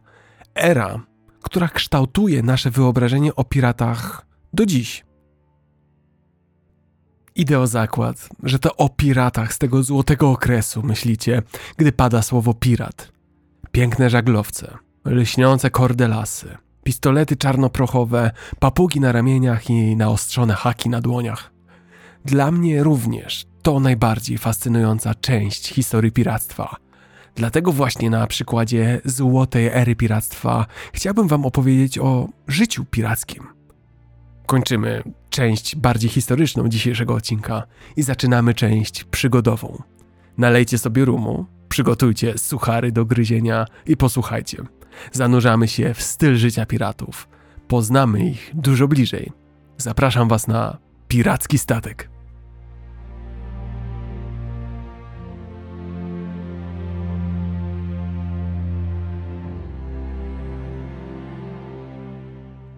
Na pewno pytaniem, które każdy chciałby zadać już teraz jest: jak naprawdę wyglądało życie pirata?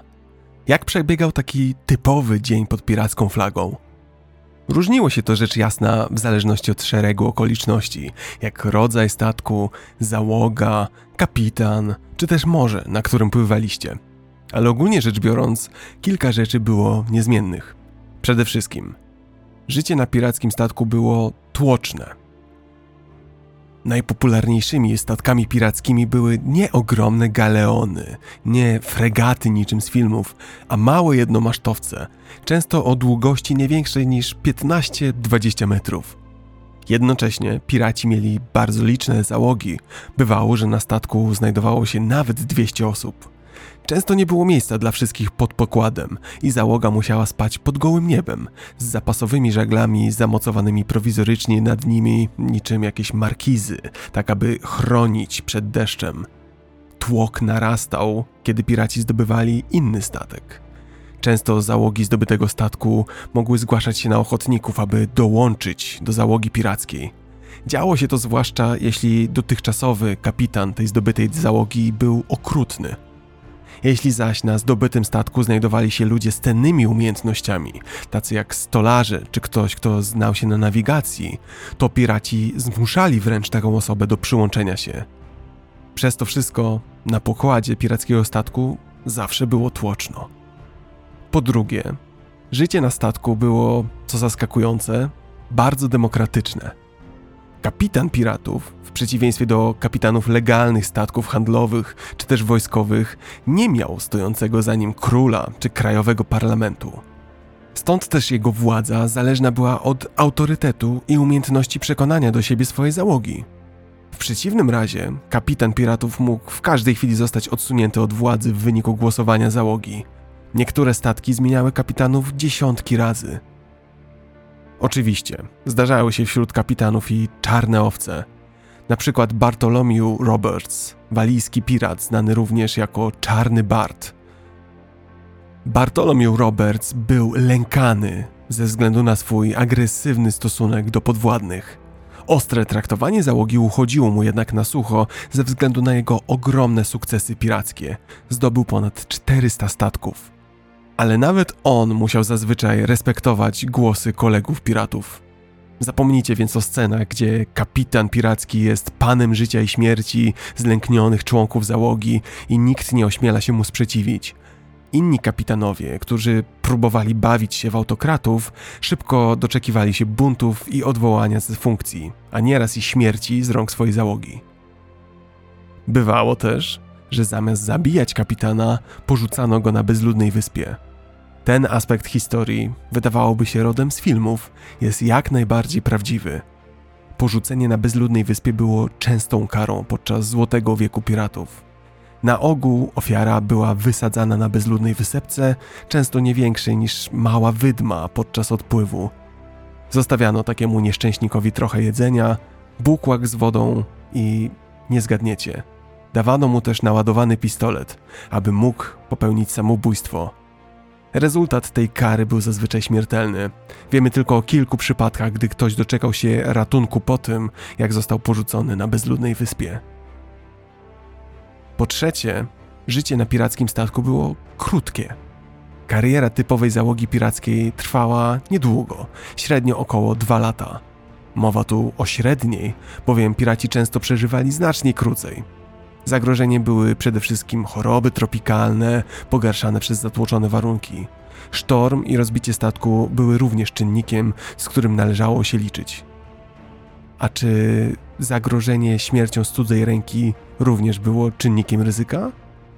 Czy piraci na co dzień musieli martwić się, że zostaną śmiertelnie dźgnięci w pojedynku albo też zastrzeleni pistoletem?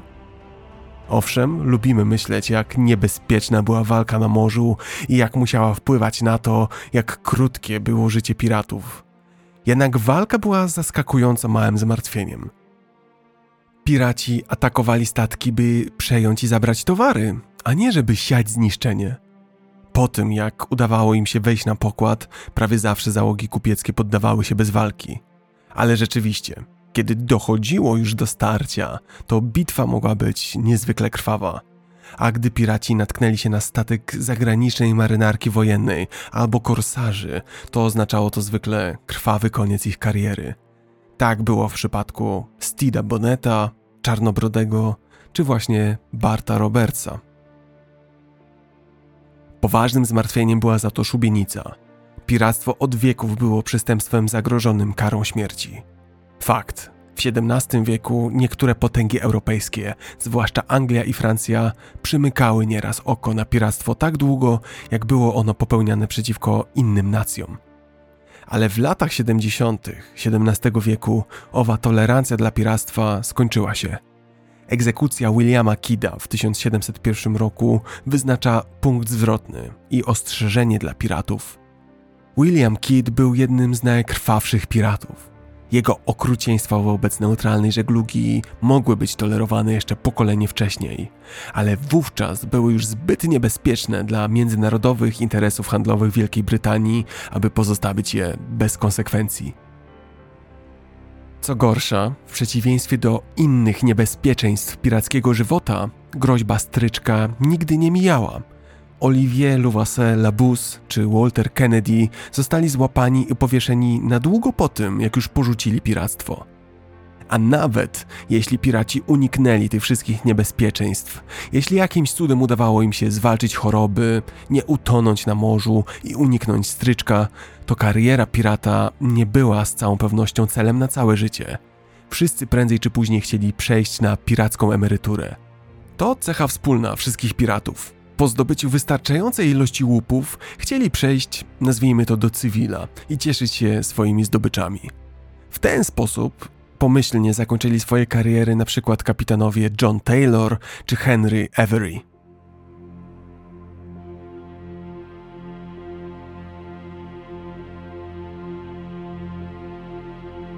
Chciałbym teraz opowiedzieć Wam o tym, jak wyglądał taki typowy dzień w życiu pirata. Chciałbym skupić się na większej ilości szczegółów, bo podczas gdy legalne zawody morskie wiązały i wiążą się zresztą z dużą dozą dyscypliny, planowania, to piraci zwykle nie zajmowali sobie głowy żadną z tych kwestii.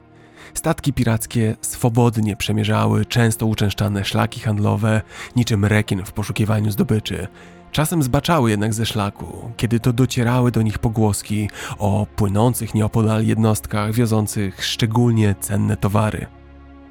Na statku zwarta załoga dbała o utrzymanie olinowania, żagli, masztu i kadłuba w dobrym stanie. Praca na statku była zwykle podzielona na trzy wachty, czyli tak jakby trzy zmiany Dwie trzecie załogi, czyli dwie wachty, pracowały jednocześnie, dbając o żagle, ćwicząc strzelanie i ogólnie utrzymując statek w ruchu. Trzecia wachta zaś w tym czasie odpoczywała. Spano przeważnie w hamakach. Nie było bowiem miejsca na takie luksusy jak prywatne czy nawet grupowe kajuty. Prywatności więc nie było prawie wcale.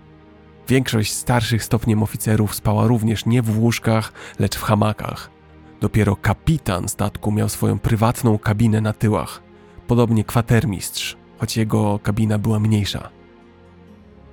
Co kilka miesięcy statek musiał zostać także poddany zabiegom pielęgnacyjnym, wyniesiony na brzeg plaży, odwrócony na bok, a to wszystko po to, by oskrobać kadłub i usunąć porastające go skorupiaki i wodorosty.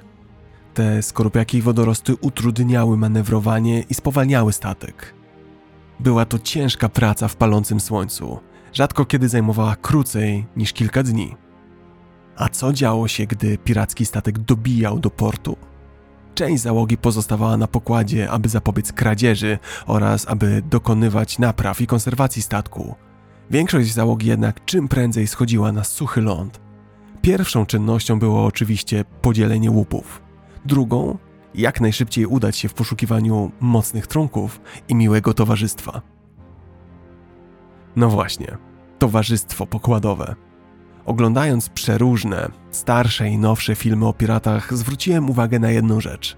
Zazwyczaj załoga na pokładzie statku to obraz całkowitego chaosu, Piraci snują się po pokładzie, piją rum, przeklinają, sprawiają wrażenie jednej masy, zgrai ludzi, których nic spośród siebie nie wyróżnia, poza może charakterystycznym, lekko strasznym wyglądem zewnętrznym, a i to nie zawsze. To nieprawdziwy obraz. Bycie piratem, tak jak marynarzem, wymagało nielichych kwalifikacji. Morski fach wymagał talentu, zahartowania i wiedzy. Człowiek morza musiał potrafić sterować statkiem, znać teorię żeglugi, w tym wiedzieć jak okiełznać wiatr. Musiał potrafić wiązać węzły i doglądać olinowania na pokładzie. Musiał wiedzieć, jak obserwować morze, by w porę dostrzegać niebezpieczeństwo oraz jak patrzeć w niebo, by wyczytać pogodę.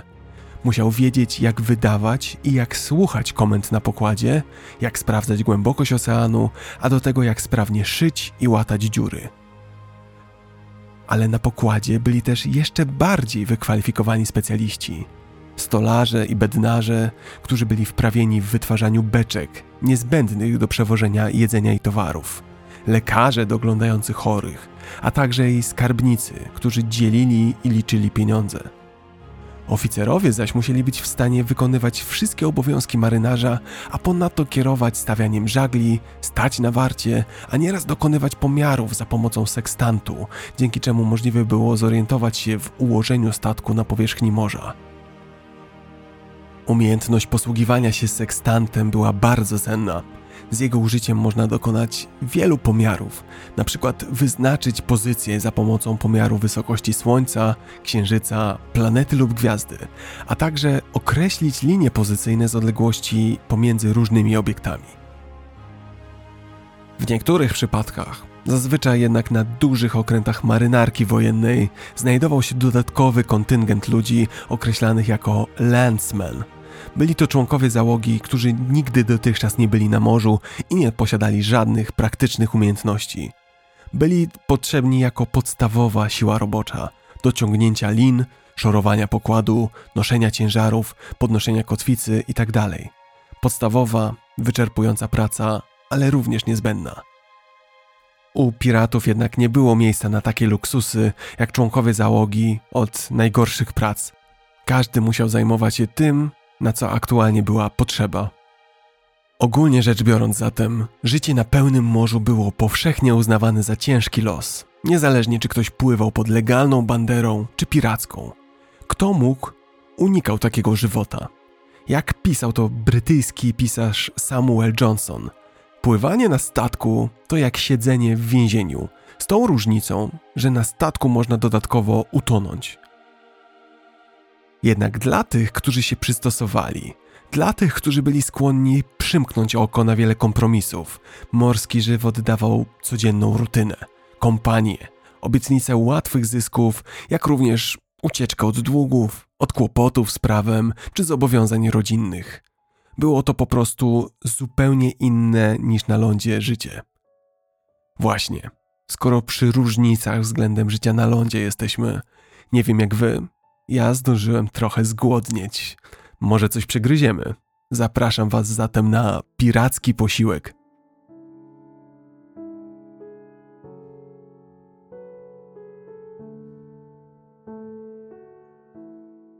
Jeśli lubicie smaczne jedzenie, to nie mam dla Was dobrych wieści. Sytuacja żywieniowa podczas długich, na przykład transatlantyckich rejsów morskich była fatalna – z jednej strony marynarze ciężko pracowali i potrzebowali dużo kalorii. Jednocześnie jednak trwała nieustanna, biznesowa, można powiedzieć, rywalizacja o to, by optymalizować koszty, by dostarczać żywność jak najtaniej. Było to kluczowe, zwłaszcza w przypadku długich rejsów, gdzie liczyła się przestrzeń ładunkowa. Im mniej jedzenia zabierano, im bardziej było ono kompaktowe, tym więcej towarów na handel można było zabrać w to miejsce. A o to, o przewóz towaru i sprzedaż go z zyskiem w tym wszystkim przecież chodziło. Statek piracki to nie miejsce, gdzie osoby o delikatnych podniebieniach znalazłyby dla siebie coś dobrego. Podstawą długiej podróży morskiej była prosta dieta, składająca się głównie z suszonego albo peklowanego mięsa, zwykle wieprzowiny, kaszy, startego sera i ryb, jeśli były dostępne. Często nie były. Z owsa robiono gęsty gulasz, zwany lobloli. Serwowano go w ogromnych ilościach. Do woli mogliście zaś jeść setki i setki sucharów. Były twarde jak kamień i pozbawione kompletnie smaku. Dzisiejsze suchary turystyczne, które można kupić w sklepach, to w porównaniu do tych pirackich rarytas, delicje. Ich jedyną zaletą było to, że były zdatne do jedzenia miesiącami, nie psuły się. Kiedy jedzenia zaś było już bardzo mało, a to, co pozostało, zaczynało się okropnie psuć, wówczas przygotowywano salma gundi, coś w rodzaju gulaszu, do którego wrzucano wszystko, co było pod ręką i do którego to dodawano ogromne ilości przypraw, aby zamaskować smak starych, nadpsutych składników. Nie wiem, czy zaspokoiłem wasz apetyt, więc może jednak napijmy się czegoś. Oczywiście trunki, często mocne, to ważny element diety marynarza. Pewna ilość piwa, wina czy mocnego alkoholu prawie zawsze były częścią codziennego przydziału żywności. Zacznijmy od alkoholi. Nie jest prawdą, że marynarze i piraci chadzali pijani o każdej porze dnia. Alkoholu nie było tak dużo. Poza tym pełnił on dużo więcej funkcji niż po prostu napój do celebracji i poprawy humoru. Szczególnie rum miał szerokie zastosowanie. Jako waluta, rum był jednym z najbardziej wymienialnych towarów. W wielu punktach wzdłuż wybrzeża kontynentu afrykańskiego mógł być używany bezpośrednio do kupowania towarów i nabywania niewolników. Jako trunek, rum był zaś wybawieniem od pragnienia. W jaki sposób? Nie, nie pito go zamiast wody. Rum uzdatniał wodę, także znowu nadawała się do picia. Otóż słodka woda na statku była słodka i świeża jedynie z nazwy. Była ona przechowywana w drewnianych, przepuszczających powietrze beczkach. Nie była filtrowana czy pasteryzowana. To też krótko po wypłynięciu woda zaczynała zwyczajnie śmierdzieć. Zaczynały kwitnąć w niej glony i inne żyjątka. Nabierała naprawdę obrzydliwego smaku. Aby uczynić ją mniej niebezpieczną do spożycia i choć trochę bardziej smaczną, woda była mieszana z rumem. Po XVII wieku, dzięki brytyjskim plantacjom niewolniczym na Jamajce i ich zdolności do produkcji melasy z trzciny cukrowej dla Imperium Brytyjskiego, rum stał się powszechnym napojem zarówno na handel, jak i właśnie do uzdatniania wody w dalekomorskich wojażach. Piraci, jak i marynarze byli przyzwyczajeni do takiego rumowo-wodnego napoju. Aby jeszcze bardziej poprawić jego smak, często dodawali do wody z rumem sok z cytrusów, Bukanierzy i kupcy z Karaibów preferowali zaś miksturę zwaną bumbo. Woda, rum, cukier, limonka, a czasem także gałka muszkatołowa i cynamon.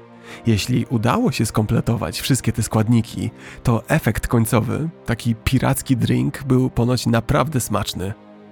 Jeśli macie ochotę, to przy następnej okazji spróbujcie przyrządzić sobie taki napój w domu. Rum pozwalał oczywiście też dodawać odwagi, jak i też zapominać o problemach i lękach. A jedną z rzeczy, których najbardziej lękali się marynarze i piraci, był szkorbut.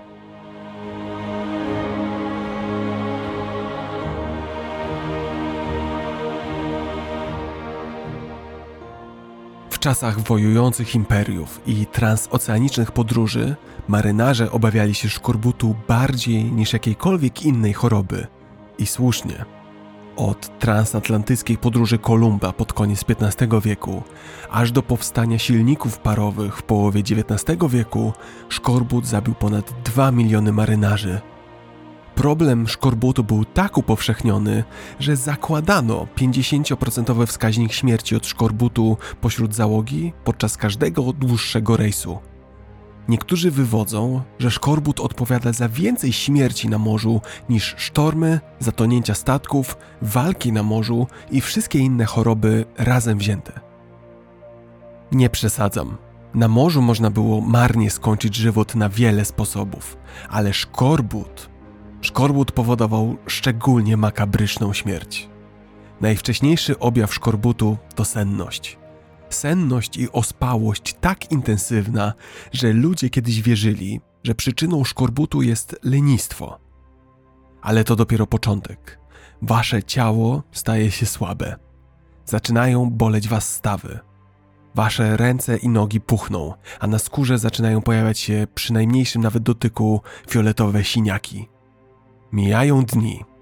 Wkrótce wasze dziąsła stają się miękkie jak gąbka. Zęby zaczynają się ruszać, a na skórze zaczynają pojawiać się ciemne plamy od krwotoku wewnętrznego. Wasze stare rany rozsklepiają się. Wasze błony śluzowe krwawią. Nieleczeni umieracie pogrążeni w gorączce i drgawkach. Szkorbut dotknął bardzo wielu odkrywców, o których uczyliśmy się w szkole. Vasco da Gama stracił wskutek szkorbutu własnego brata.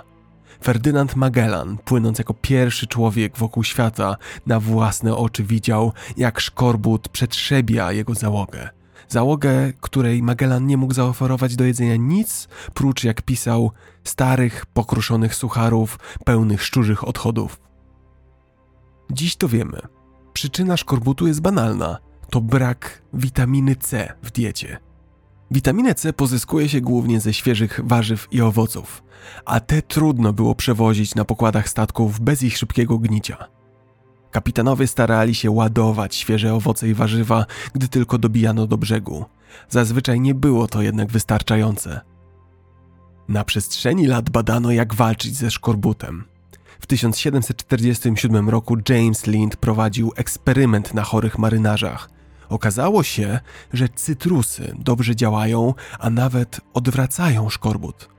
Eksperymentom Linda jednak przez lata nikt nie dawał wiary, gdyż Lind nie potrafił bowiem sensownie wyjaśnić, dlaczego akurat cytrusy miałyby mieć jakiś tajemny, zdrowotny składnik. Dziś wiemy, że cytrusy są po prostu bogate w witaminę C. Choć eksperymentowi Linda nie dawano wiary, to znany wam kapitan James Cook postanowił nie ryzykować, kiedy sam wypływał na rejs. Załadował swój okręt dużymi zapasami kiszonej kapusty. Ponadto nakazał marynarzom, aby przy każdej możliwej okazji, kiedy schodzili podczas wyprawy na ląd, jedli ile tylko mogli warzyw i owoców. Dla żeglarzy było to coś nowego. Do tej pory standardową dietą podczas morskich wypraw były suchary i suszona wołowina. Jaki był wynik tej decyzji kapitana Cooka? Szkorbut nie odebrał mu ani jednego członka załogi. W następnych latach wszystkie marynarki świata przeszły na dietę żeglarską Jamesa Cooka, a to uratowało życie całym rzeszom marynarzy. Przy okazji zdradzę wam coś, o czym nie wspomniałem przy odcinku o Cooku. Opowieść o jego wyprawach i o karmieniu marynarzy kiszoną kapustą opowiadał mi mój tata, gdy miałem kilka lat i gdy również nie chciałem podczas obiadu jeść kiszonek. Muszę powiedzieć, że wiedział, jak do mnie trafić. Dziś na szczęście marynarze otrzymują znacznie bardziej zrównoważoną dietę, więc niebezpieczeństwo szkorbutu praktycznie nie istnieje. A my tymczasem dalej przemierzamy żywot piratów. Przed nami pirackie łupy i sposób, w jaki je dzielono.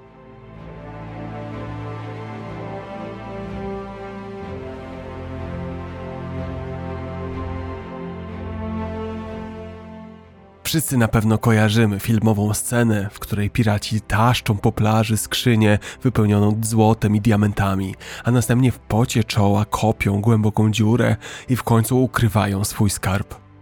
Czy jest w tym choć cząstka prawdy?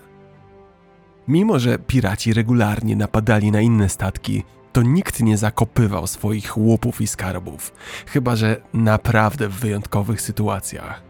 Po pierwsze, byłoby to bardzo niepraktyczne. Lokalizację takiego zakopanego skarbu należałoby zapamiętać, potem pracowicie do niej powrócić, a wszystko w czasach, gdy przeciętna kariera pirata trwała mniej niż dwa lata. Po drugie, Piraci przede wszystkim kradli rzeczy na handel, towary, które przewoziły statki handlowe i które miały wartość pieniądzu. Owszem, przy okazji zabierano cały szereg innych rzeczy. Najczęściej kradzionym, w cudzysłowie, skarbem były świeże jedzenie, słodka woda, alkohol, broń i ubrania. Innymi rzeczami, które zabierano, były zwyczajne przedmioty domowego użytku, takie jak mydło czy sprzęt morski, jak liny i kotwice. Czasem kradziono nawet cały statek, jeśli był lepszy, nowocześniejszy albo sprawniejszy niż ten dotychczasowy piracki. To wszystko oznacza jednak jedno. Większość zdobyczy była potrzebna i zużywana natychmiast albo bardzo szybko. Nie było potrzeby, aby piraci zakopywali te towary. Za walutę zaś z wymiany zdobyczy na bieżąco finansowali swoją działalność, wypłacali załodze żołd itd. Tak I dlatego tu również nie było potrzeby zakopywania gotówki, złota. Przy okazji łupów i zdobyczy zapomnijcie też o obrazach krwawych jatek podczas abordażu i wyżynania w pień cywilnej załogi handlowców.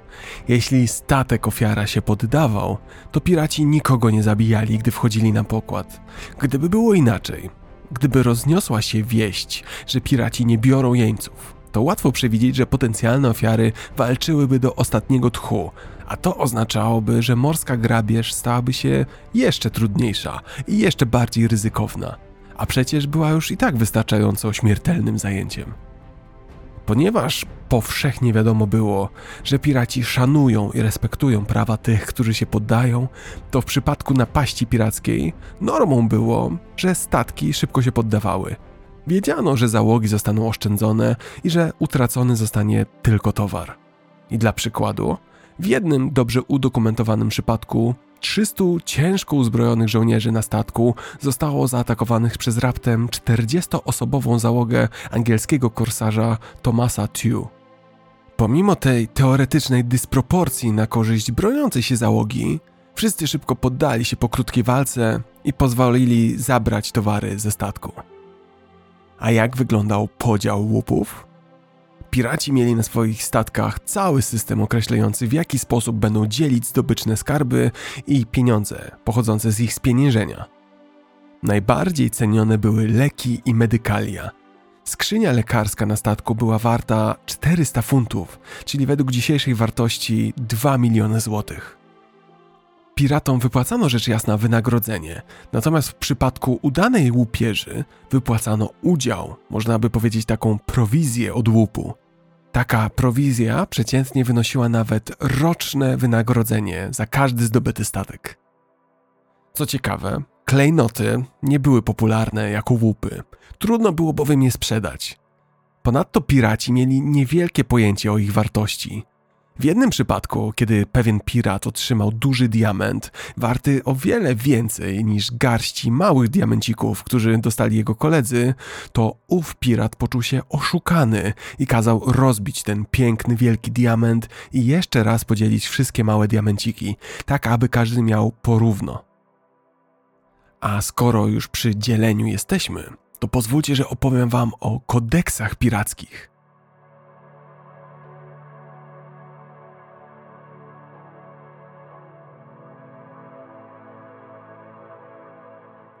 Piraci mieli całe kodeksy postępowania, można powiedzieć morskie konstytucje, które to regulowały podstawowe zasady życia na pokładzie, udziału w łupach, ale też wiele praktycznych, pomniejszych aspektów.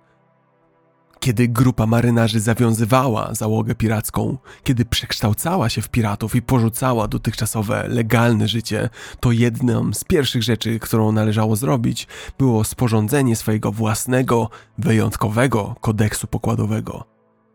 Kodeksy pirackie różniły się w zależności od statku i od tego, kto stał na czele załogi. Na ogół jednak były podobne – zasady dyscypliny na pokładzie, zasady dzielenia skarbów, ewentualnie reguły odszkodowań dla rannych. Każdy członek pirackiej załogi po dołączeniu musiał podpisać się pod kodeksem, a następnie złożyć przysięgę na wierność lub honor. Przysięga była czasem składana na Biblię, a na przykład ludzie Johna Phillipsa, angielskiego pirata, który zginął z ręki jeńców, których przewoził na pokładzie, przysięgali na topór. Jeszcze inni piraci przysięgali na skrzyżowane pistolety, na miecze, a bywało, że i na ludzką czaszkę. Akt uroczystej przysięgi formalnie włączał takiego śmiałka do pirackiej załogi i uprawniał go do głosowania przy wyborze oficerów, do noszenia broni i do udziału w podziale łupów. Podpisany kodeks był następnie wywieszany w widocznym miejscu na pokładzie, często na drzwiach kajuty kapitana. Pomyślałem sobie, że warto jeden taki kodeks piracki przytoczyć. Znalazłem i przetłumaczyłem dla was kodeks Bartolomiu Robertsa, znany jako Czarny Bart. Ten wspomniany już przeze mnie walijski pirat na początku XVIII wieku rozpoczął swoją karierę i w dwa i pół roku obrabował 200 statków. Przed wami zatem kodeks pokładowy Bartolomiu Robertsa, Czarnego Barta. Punkt pierwszy. Każdy ma prawo głosu w sprawach codziennych. Każdy ma równe prawo do świeżego prowiantu i mocnych trunków. Każdy może z nich korzystać do woli, chyba że niedostatek sprawi, że dla dobra wszystkich konieczne będą ograniczenia. Punkt drugi. Każdy ma być uczciwie nagrodzony w łupie. Jeśli zaś ktoś okradł załogę, karą dla niego będzie porzucenie na samotnej wyspie. Jeśli kradzież dotyczyła tylko jednej osoby, karą będzie obcięcie uszu i nosa temu, kto był winien. Następnie taki człowiek ma być pozostawiony na brzegu, ale nie w miejscu niezamieszkanym, ale gdzieś, gdzie z pewnością spotkają go kłopoty. Punkt trzeci. Nikt nie może grać w karty lub kości na pieniądze. Punkt czwarty. Świece mają być zgaszone o ósmej w nocy. Jeśli ktoś z załogi o tej godzinie ma jeszcze ochotę na picie, ma to robić na pokładzie, pod gołym niebem. Punkt piąty. Każdy ma utrzymywać swoją broń w czystości i zdatności do służby. Punkt szósty. Żadne dziecko ani niewiasta nie mogą znaleźć się pośród załogi. Jeśli ktoś uwiedzie niewiastę i w przebraniu zabierze ją wśród załogi na morze, poniesie śmierć. Punkt siódmy. Opuszczenie okrętu w czasie bitwy karane będzie śmiercią lub uwięzieniem. Punkt ósmy. Nie wolno bić się na pokładzie. Wszelkie spory mają być toczone na brzegu przy pomocy miecza i pistoletu. Kwatermistrz okrętu, gdy strony nie chcą się pogodzić, towarzyszyć im będzie na brzegu. Odwróci spierających się plecami do siebie na odległość kilku kroków. Na słowo komendy zwaśnione strony odwracają się i natychmiast strzelają. Jeśli obaj spudłują, przystępują do swoich kordelasów, a wtedy będą walczyć do pierwszej krwi. Punkt dziewiąty. Żaden człowiek nie może porzucić załogi, dopóki nie zarobi tysiąca funtów. Jeśli w związku z tym ktoś straci kończynę lub zostanie kaleką w służbie, otrzyma odszkodowanie. Punkt dziesiąty. Proporcja podziału łupów jest następująca. Kapitan i kwatermistrz mają po dwa udziały w każdym łupie, bosman i artylerzysta jeden udział i pół, a inni jeden udział i ćwierć. Punkt jedenasty, ostatni. Muzycy mają odpoczynek w dzień szabatu, ale przez pozostałe sześć dni i nocy nie wolno im odpoczywać, chyba że za specjalną łaską. Jak widzicie, kodeksy pirackie dawały stabilność, jakiś rodzaj zasad na pokładzie statku. Ale prócz prawa, marynarze i piraci głęboko wierzyli w szereg przesądów. Opowiem wam zatem o tym, jak przesądni byli piraci, jak wiele mieli charakterystycznych dla siebie zwyczajów.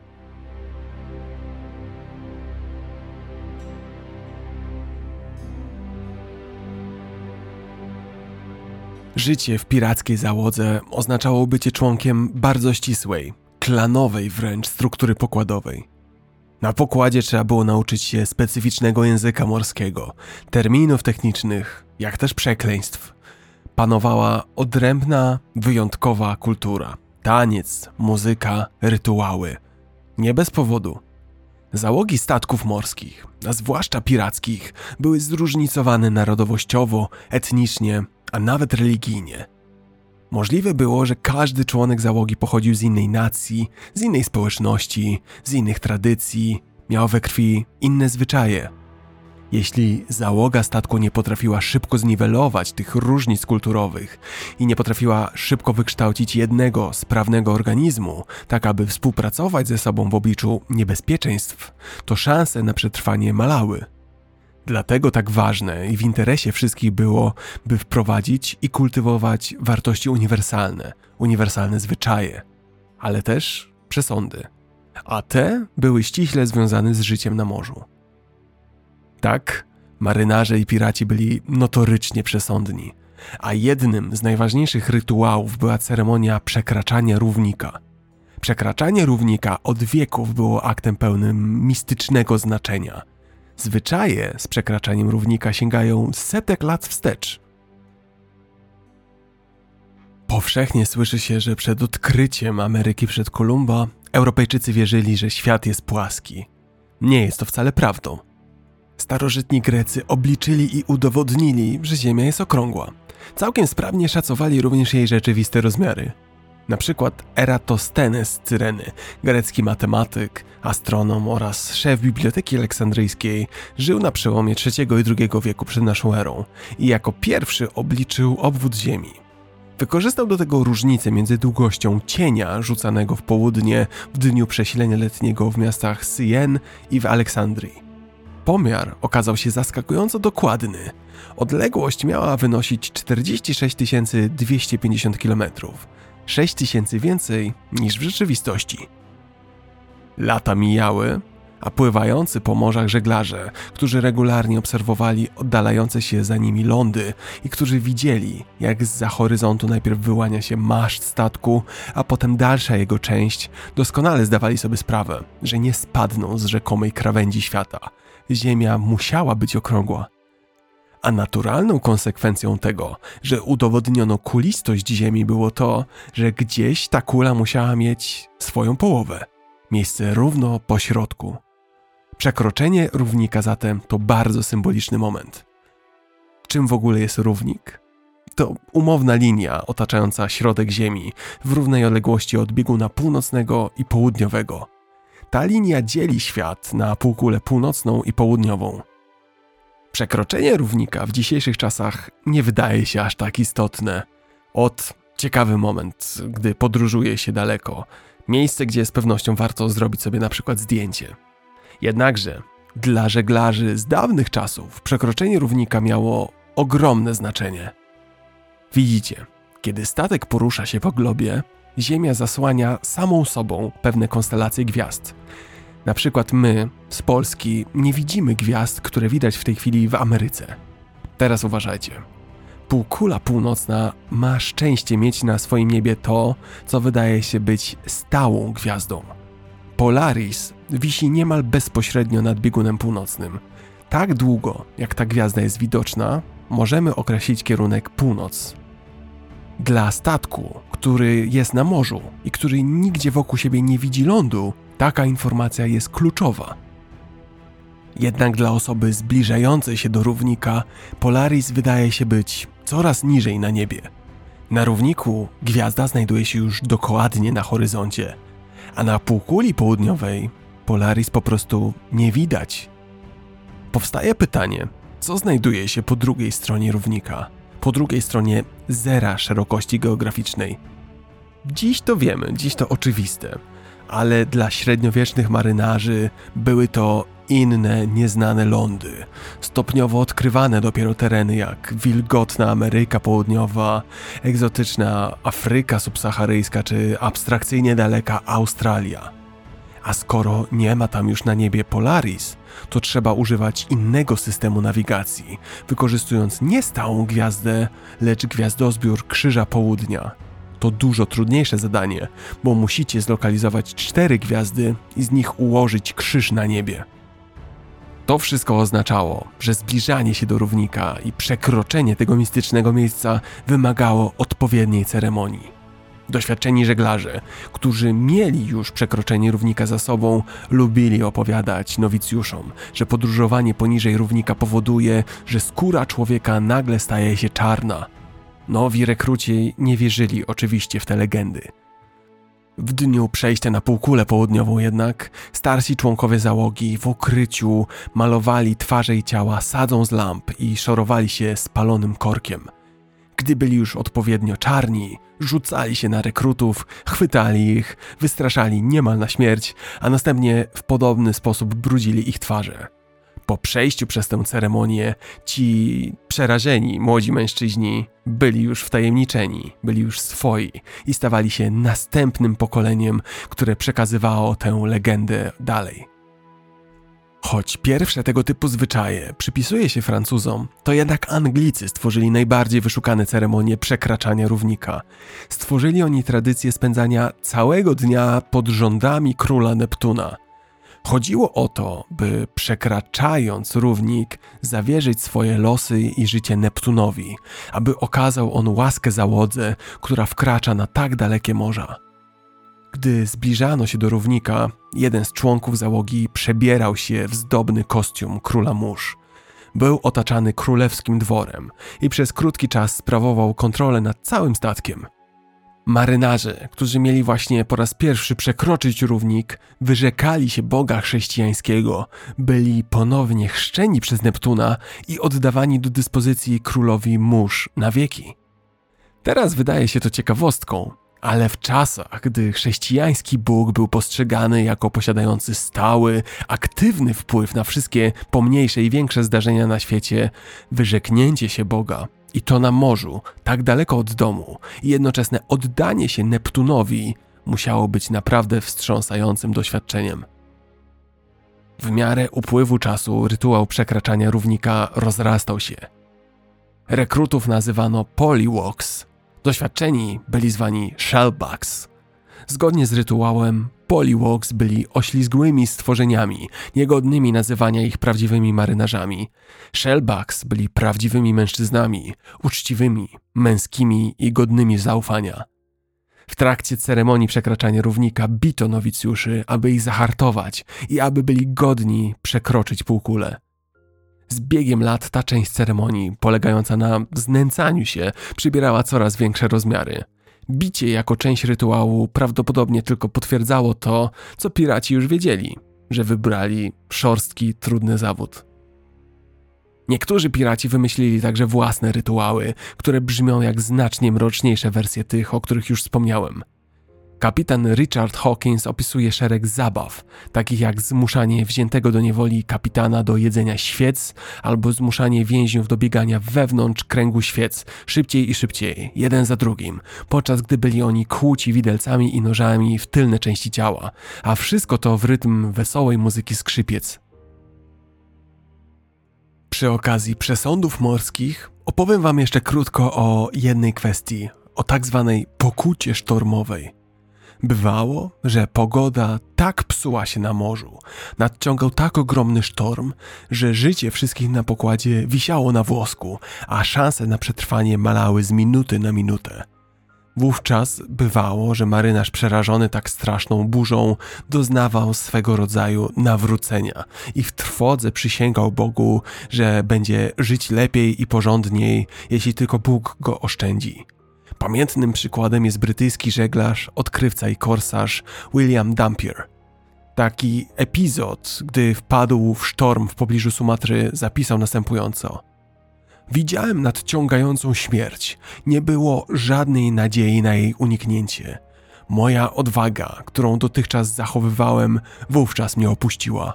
Poczyniłem zrozpaczone refleksje na temat mojego dawnego życia i z przerażeniem i odrazą patrzyłem na czyny, których wcześniej się dopuściłem. Drżałem na samo ich wspomnienie. Rzecz w tym, że pokuta po burzy nigdy nie trwała długo – gdy sztorm mijał, a słońce wychodziło, piraci przeważnie wracali do swojego życia. Było w tym życiu na morzu coś, co trudno było porzucić.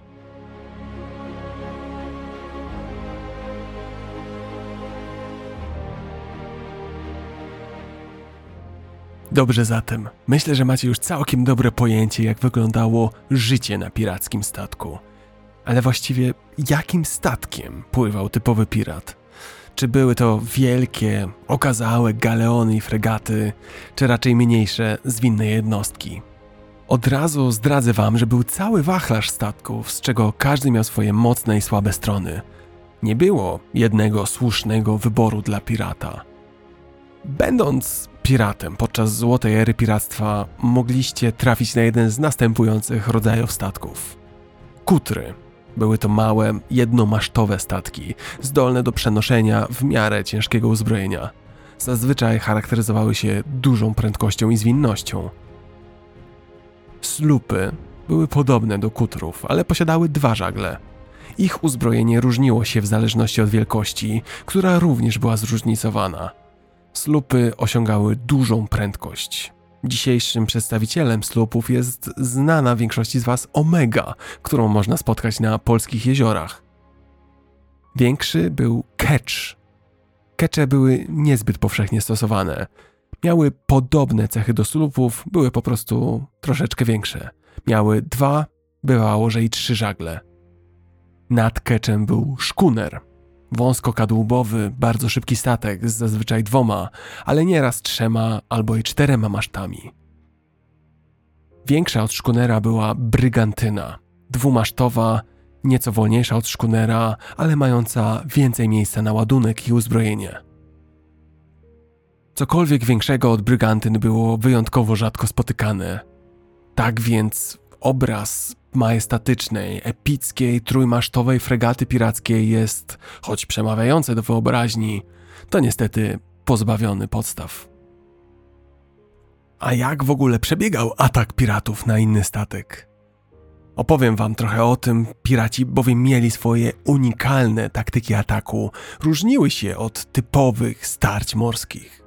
Przede wszystkim piraci nie atakowali frontalnie, lecz czaili się w oczekiwaniu na ofiary – Ukrywanie się i atak z zaskoczenia były podstawowymi pirackimi taktykami. Najważniejsze było, aby dostrzec ofiarę, zanim ona dostrzegła piratów. Wiele kodeksów pirackich obiecywało nawet premię dla tego, kto jako pierwszy z załogi zobaczy potencjalną zdobycz. Dlaczego było to takie ważne? Bo im wcześniej statek ofiara dostrzegał zagrożenie, tym szybciej zaczynał uciekać, a tym samym mniejsze były szanse na złapanie go podczas ucieczki. Pościg na oceanie bowiem to coś innego niż ten na lądzie. Morska gonitwa dwóch statków mogła trwać godzinami. Oba statki były przecież napędzane tym samym wiatrem, a więc płynęły z podobną prędkością.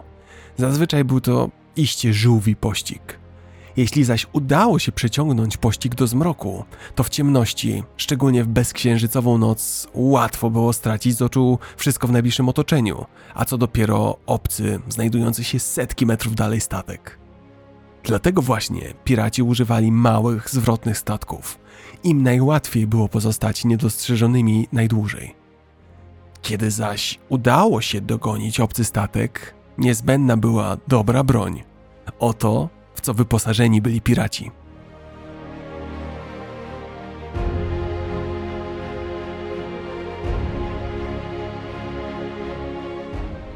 Piraci używali wielu rodzajów broni białej i broni palnej. Chciałbym wymienić kilka z nich. Przede wszystkim pirackie noże. To najbardziej poręczna ze wszystkich broni. Prawie każdy pirat miał przy sobie nóż, który mógł być użyty do walki wręcz. Było to bardzo praktyczne podejście. Pokłady i ładownie statków morskich miały mało miejsca do manewrowania, to też wielu piratów preferowało używanie krótkich ostrzy. Dalej występowały w użyciu pirackie szable. Szable na morzu były niezbędną bronią, choć mniej poręczną niż krótkie noże i sztylety. W bezpośrednim starciu z inną szablą czy mieczem dawały największe szanse na równorzędną walkę. Najsłynniejsza była szabla abordażowa, potocznie zwana kordelasem. Miała ona krótkie, zakrzywione ostrze oraz rękojeść, która chroniła dłoń. Dzięki swojej konstrukcji była łatwa w użyciu i nie wymagała długiej nauki posługiwania się nią. Innymi popularnymi ostrzami używanymi na statkach pirackich były rapiery. Rapier był od szabli dłuższy i miał cieńszą klingę. Służył przede wszystkim do zadawania pchnięć, ale do cięcia również się nadawał. Rękojeść rapiera była bardzo rozbudowana, chroniła dłoń dzierżyciela – Wreszcie czasem zabierano też tradycyjne miecze, dłuższe i ostre z obu stron. Ale to tylko część oręża, jakim dysponowali piraci. Występowało bowiem wiele narzędzi pomocniczych, na przykład hak abordażowy. Załóżmy, że piracki statek dogania swoją ofiarę. Jak wejść na morzu na drugi pokład? Pomocą był właśnie specjalny hak, w tym przypadku połączony z liną, Hak abordażowy był podstawowym narzędziem używanym do wejścia na pokład statku wroga. Wyobraźcie sobie linę zakończoną czymś w rodzaju trójramiennego, dużego haczyka wędkarskiego. Tak właśnie wygląda hak abordażowy. Rzucano go na wrogi pokład i ciągnięto za linę. Gdy hak zaczepiał się o drewniany pokład i wbijał się solidnie, to wrogi statek nie mógł się już oddalić od piratów. Ponadto łatwiej było wejść na pokład statku ofiary. Zasięg rzutu haka zależał wyłącznie od sprawności pirata oraz od jego celnego oka. A słyszeliście o czymś takim jak topór abordażowy? To ciężki i powolny w użyciu, a tym samym praktycznie nieprzydatny w walkach z wrogą załogą kuzyn tradycyjnego bojowego topora. Ale wprawny pirat mógł tą bronią wycinać drzwi i obalać maszty, a tym samym unieruchamiać cały wrogi statek. Takie topory służyły również do przecinania lin i sieci. Mało znanym, a bardzo użytecznym elementem pirackiego oręża była pika abordażowa. Był to rodzaj morskiej włóczni, choć krótszej niż ta lądowa. Jej długość wahała się między 1,5 a 3 metry. Pik abordażowych używano w obronie, aby odeprzeć próbę wejścia na statek. Ze względu na swoją długość mogła dosięgnąć przeciwnika, zanim ten zdążył się zbliżyć. W razie potrzeby używano ich również jako broni miotającej. Prócz broni białej, na pewno wiecie, że piraci mieli broń palną. Faktycznie broń prochowa zmieniła oblicze ówczesnych działań wojennych, w tym bitew morskich. Najpopularniejszą bronią prochową zaś były pistolety. Podczas złotego wieku piractwa pistolety i pozostała broń palna znacznie różniły się od tych dzisiejszych. Większość z nich strzelała tylko jednym strzałem, a przeładowanie zajmowało dużo czasu. Były też nieprecyzyjne i nie miały dużego zasięgu. W bitwach morskich niemożliwe było polegać tylko na nich. Mimo to pistolety stały się nieodłączną częścią niemal każdej pirackiej i każdej okrętowej bitwy w XVII i XVIII wieku. Istnieje wiele różnych typów pistoletów pirackich. Chciałbym wymienić cztery. Po pierwsze, pistolet skałkowy. Ten model pistoletu był używany przez piratów najczęściej. Był to mały i szybki, a przy tym lekki pistolet. Można było go łatwo przypiąć do pasa, a niektórzy piraci mieli ich nawet kilka, tak jak Czarnobrody, który nosił ich sześć. Główną wadą pistoletu skałkowego było to, że był trudny i czasochłonny w przeładowaniu. Innym typem był pistolet wielolufowy. Ten typ pistoletu miał zwykle od dwóch do czterech luf, a każda z nich była odpalana osobno. Był on również oparty na mechanizmie skałkowym. Wielolufowy pistolet nie był popularny z dwóch powodów. Po pierwsze, ze względu na swoją konstrukcję był drogi. Po drugie, takie pistolety były jeszcze bardziej powolne i zarazem cięższe. Odmianą pistoletu wielolufowego był pistolet salwowy. Również miał kilka luf, ale po naciśnięciu spustu strzelał ze wszystkich luf jednocześnie. Stąd też nazwa od salwy pocisków. Pistolety te były drogie, trudne w konserwacji i tak jak każdy inny pistolet z więcej niż jedną lufą, były niedokładne w strzelaniu na dalszą odległość. Ostatnim typem pirackiego pistoletu zaś był pistolet kieszonkowy. Tak jak sama nazwa wskazuje, pistolet kieszonkowy był najmniejszą piracką bronią palną. Podobnie jak sztylety, był bronią do ataku z zaskoczenia. Pistolety kieszonkowe były łatwe do ukrycia, szybkie w użyciu i śmiertelnie niebezpieczne. Te cechy sprawiały, że były bardzo cenione przez piratów. A jeśli chodzi o większy kaliber, to oczywiście statki były wyposażone w działa pokładowe, zwane również armatami. Działa były ciężkie, trudne w efektywnym użyciu i wymagały kilku członków załogi do obsługi. Na przykład działo pokładowe strzelające 3,5 kg kulą ważyło przynajmniej 700 kg. Dla mnie najciekawsze w przypadku dział pokładowych jest to, że istniały różne rodzaje amunicji. Wszyscy na ogół myślimy o tych standardowych, okrągłych kulach, ale było ich o wiele więcej. Najbardziej znane to oczywiście pełne kule, czy też lane kule. To podstawowe żelazne kule, które były używane w strzelaniu na średnich i długich dystansach. Ale występowały na przykład kule łańcuchowe. Były to dwie kule, które połączono ze sobą za pomocą pręta lub łańcucha. Były popularne w walkach morskich, ponieważ skutecznie niszczyły olinowanie przeciwnika, zrywały żagle albo nawet całkowicie niszczyły maszty. A jeszcze czymś innym były kartacze. To lekka obudowa zawierająca małe żelazne kulki. Jeśli cel był blisko, to kulki te po odpaleniu siały niesamowite zniszczenie. Efekt wystrzału kartacza przypomina serię ze współczesnego karabinu maszynowego. A czy wiedzieliście, że z armat można było wystrzelić granaty? Oczywiście mówię o zupełnie innych niż tych nowoczesnych, dzisiejszych. Ówczesny granat to wydrążona kula armatnia, w której znajdował się proch. Na zewnątrz wystawał zaś mały ląd. Zasada działania była jednak niezmienna. Eksplozja jakiś czas po odpaleniu. Aby to osiągnąć, aby opóźnić eksplozję, niegdyś stosowano technikę strzelania na dwa ognie. Najpierw podpalano ląd pocisku i po umieszczeniu go w lufie odpalano działo. Był to bardzo ryzykowny sposób, chociażby gdy po odpaleniu lądu na czas nie udawało się odpalić armaty, albo gdy pocisk na przykład wypadł z rąk przy wkładaniu do lufy. Dopiero po dłuższym czasie udało się stwierdzić, że ogień powstały podczas detonacji ładunku prochowego wewnątrz lufy armaty może także zapalać ląd granatu. Oba sposoby wymagały dział o krótkiej lufie, by można było w nich precyzyjnie umieścić kulę, a to powodowało spadek zasięgu. W dodatku, aby taki granat był skuteczny, musiał wybuchnąć w określonym czasie, co już było loterią. Gdy ląd był za krótki, ładunek wybuchał zbyt szybko, zanim jeszcze doleciał do wrogiego statku. Za długi ląd zaś oznaczał odbicie się granatu od burty i wpadnięcie do morza, albo danie możliwości zagaszenia granatu przez przeciwnika.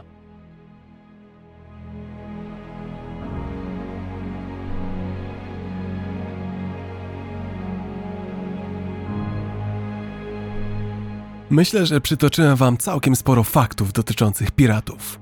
Dlatego dla przeciwwagi chciałbym opowiedzieć Wam o kilku kwestiach, które bez wątpienia kojarzycie z filmów, gier czy książek o piratach, ale które to są czystą fantazją reżyserów, twórców i producentów. Posłuchajcie. Na pierwszy ogień symbolika piracka. Na pewno wszyscy kojarzycie taką typową flagę piratów, tak zwany Jolly Roger. Czarne tło, czaszka i skrzyżowane kości. Czy to jednak prawdziwa flaga, czy tylko wymysł z bajek?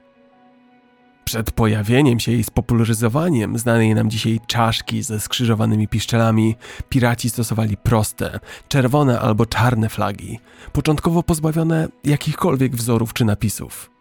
Te kolory miały swoje znaczenie. Po podejściu do statku ofiary wywieszano czarną flagę, która oznaczała, że załoga zostanie oszczędzona, jeśli towary zostaną oddane bez walki. W razie zignorowania tej flagi oddawano strzał ostrzegawczy. Po nim wywieszano czerwoną flagę. Czerwona flaga symbolizowała bitwę, stanowiła komunikat, że nie będzie okazywana litość i nie będzie oszczędzone żadne życie, jeśli załoga natychmiast się nie podda. Po tym następował atak. Skoro tak, to skąd pojawiła się czarna flaga z trupią czaszką i piszczelami? Po zakończeniu wojny o sukcesję hiszpańską w 1714 roku wielu kaprów i korsarzy rozpoczęło pirackie kariery. Nadal używali czerwonych i czarnych flag, ale teraz dla wyróżnienia ozdabiali je swoimi unikalnymi wzorami czy symbolami. Ozdabiano je także czasem kolorowymi proporczykami i wstążkami.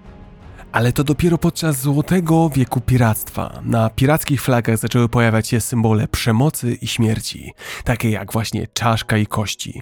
Umieszczano je tam w celu zastraszania ofiar i tym samym skłonienia ich do szybkiego poddania się. Piraci nie wywieszali Jolly Rogera cały czas. Zazwyczaj pływano pod fałszywą flagą albo nie wywieszano żadnej bandery. Dopiero gdy wybrany do zaatakowania statek był już blisko, Jolly Roger był zaciągany na maszt, często jednocześnie oddawano strzał ostrzegawczy w powietrze. Sama nazwa Jolly Roger, czyli Wesoły Roger, pochodzi na pewno od dwóch piratów: od Bartholomew Robertsa i od Francisa Spriggsa. Choć jednak nazwa Jolly Roger pochodzi od ich dwóch, to wiemy, że obaj pływali pod innymi banderami niż pod czaszką i trupimi piszczelami. To zaś wskazuje, że Jolly Roger było po prostu określeniem na ogólną flagę piratów. Wspomnę jeszcze, że piracka flaga to był tak złowrogi i jednoznaczny symbol, że samo posiadanie Jolly Rogera było uważane za dowód, że ktoś jest piratem, a tym samym, że jest wyjęty spod prawa. Za posiadanie pirackiej flagi groziła śmierć. Ja zaś przechodzę do kolejnego mitu, do legendarnego Ar czy kojarzycie taką typową scenę z filmów, gdzie pirat niemal jak przecinek w zdaniu nieustannie wypowiada ar? Czy piraci naprawdę mówili w ten sposób? Co owe ar miałoby oznaczać? Najpewniej jest to fikcja. Jeśli chodzi o to samo słowo, to historycy uważają, że jego popularność zaczęła się od filmowej wersji Wyspy Skarbów z 1950 roku. W tym filmie angielski aktor Robert Newton grał pirata z West Country w południowo-zachodniej części Anglii. Używał on akcentu z tego regionu i dość często dorzucał do swoich wypowiedzi pochodzące z tamtych rejonów właśnie wtrącenie ar. Newton użył tego zwrotu kilka lat później, gdy zagrał w filmie Pirata Czarnobrodego. Od tamtej pory owe sformułowanie zakorzeniło się już w popkulturze. Łatwo dostrzec, dlaczego Ar to mit. Piraci, nawet angielscy, pochodzili z różnych stron ze Szkocji, Irlandii czy Londynu. Trudno zatem, by mówili z tym samym akcentem i jeszcze wtrącali to samo charakterystyczne słowo do zdań. A czy kojarzycie, że piraci, szczególnie kapitani, zamiast jednej dłoni mają hak, rzekomo dlatego, że utracili dłoń w walce? Czy jest w tym ziarno prawdy? Czy takie hakowe protezy były w użyciu? A jeśli tak, to dlaczego tylko u piratów? Niestety nie ma żadnego źródła, które mówiłoby o tym, że którykolwiek ze znanych nam piratów czy marynarzy miał zamiast dłoni hak. Owszem, w wyniku walki mogło zdarzyć się, że ktoś tracił dłoń. Angielski pirat William Condent nosił przydomek Billy One Hand, jednoręki Billy. To mocno sugeruje jego losy. Wiemy, że utrata ręki lub ramienia były na tyle powszechne wśród piratów, że w ramach kodeksów pokładowych często przewidywano dodatkowe udziały czy też odszkodowania dla okaleczonych członków załogi. Ale nie ma żadnego źródła, które mówiłoby o tym, że ktoś miał protezę hakową. Nic dziwnego. Na statkach pirackich ewentualnych amputacji dokonywał cieśla okrętowy, który nie miał umiejętności, by na kikucie ręki zamontować nadający się do użytku hak i nie spowodować zarazem zakażenia i śmierci. Skoro zatem brak jest jednoznacznych dowodów, to skąd wziął się wizerunek pirata z hakiem?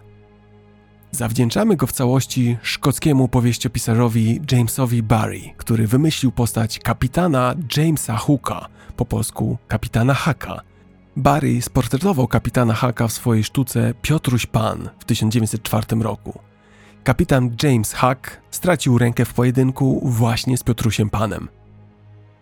Podobnie nieprawdziwe jak hak zamiast ręki jest rzekomy spacer po desce.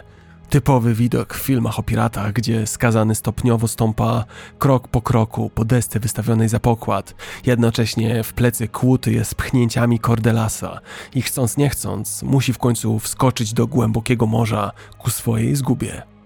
Ponownie, to kompletna fikcja. W przypadku karania kogoś z załogi, piraci preferowali porzucenie na bezludnej wyspie. Była to kara za najcięższe przewinienia wobec kolegów z pokładu. Do egzekucji jeńców zaś prawie w ogóle nie dochodziło, gdyż piraci polowali na towary, a nie na zakładników. Ewentualni, tymczasowi jeńcy byli traktowani dobrze, ponieważ piraci pragnęli, by przyszłe załogi poddawały swoje statki bez walki. Jeśli rozpowszechniłaby się wieść, że na pokładzie dochodzi do maltretowania i innych niegodnych czynów, to powodowałoby to wyłącznie większy opór potencjalnych ofiar piratów.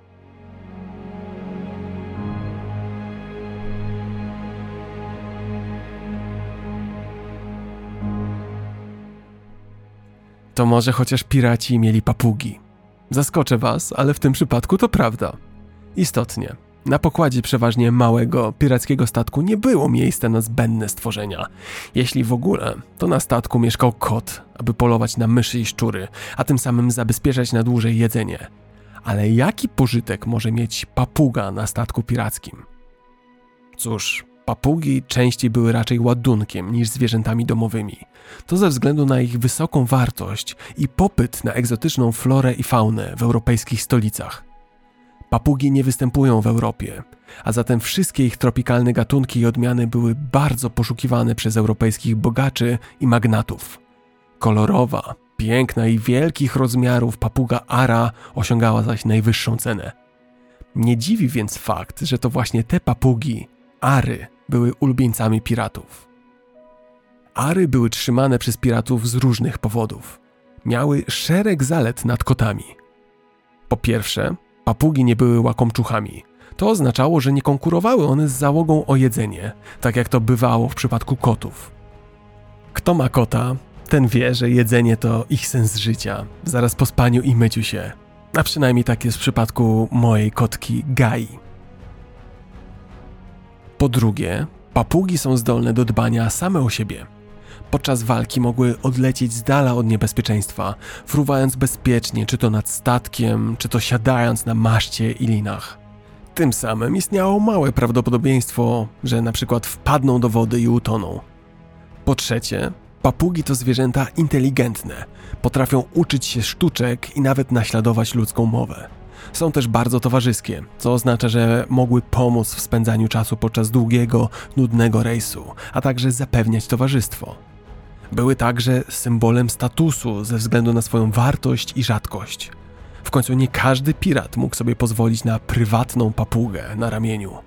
Jeśli mieliście papugę nie na handel, a po prostu dla samych siebie, to oznaczało, że byliście ludźmi ważnymi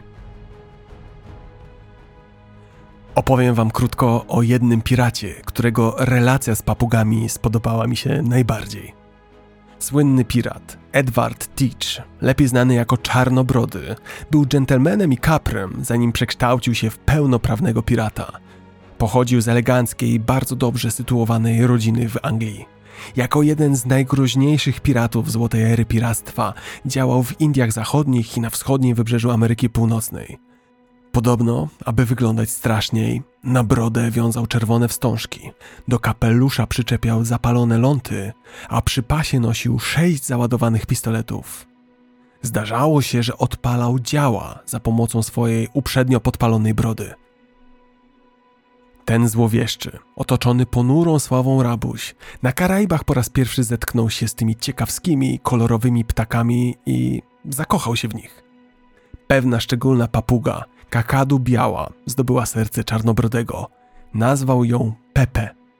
W późniejszych czasach na La Concorde, francuskim statku niewolniczym, który to czarnobrody przemianował na swój statek flagowy, zemstę królowej Anny, pojawiły się jeszcze trzy papugi. Dwie szkarłatne ary i żółtoszyja Amazonka dołączyły do załogi pirackiej, zamieszkały razem i walczyły między sobą o względy czarnobrodego, ku zmartwieniu biednego Pepe, który przecież był pierwszy.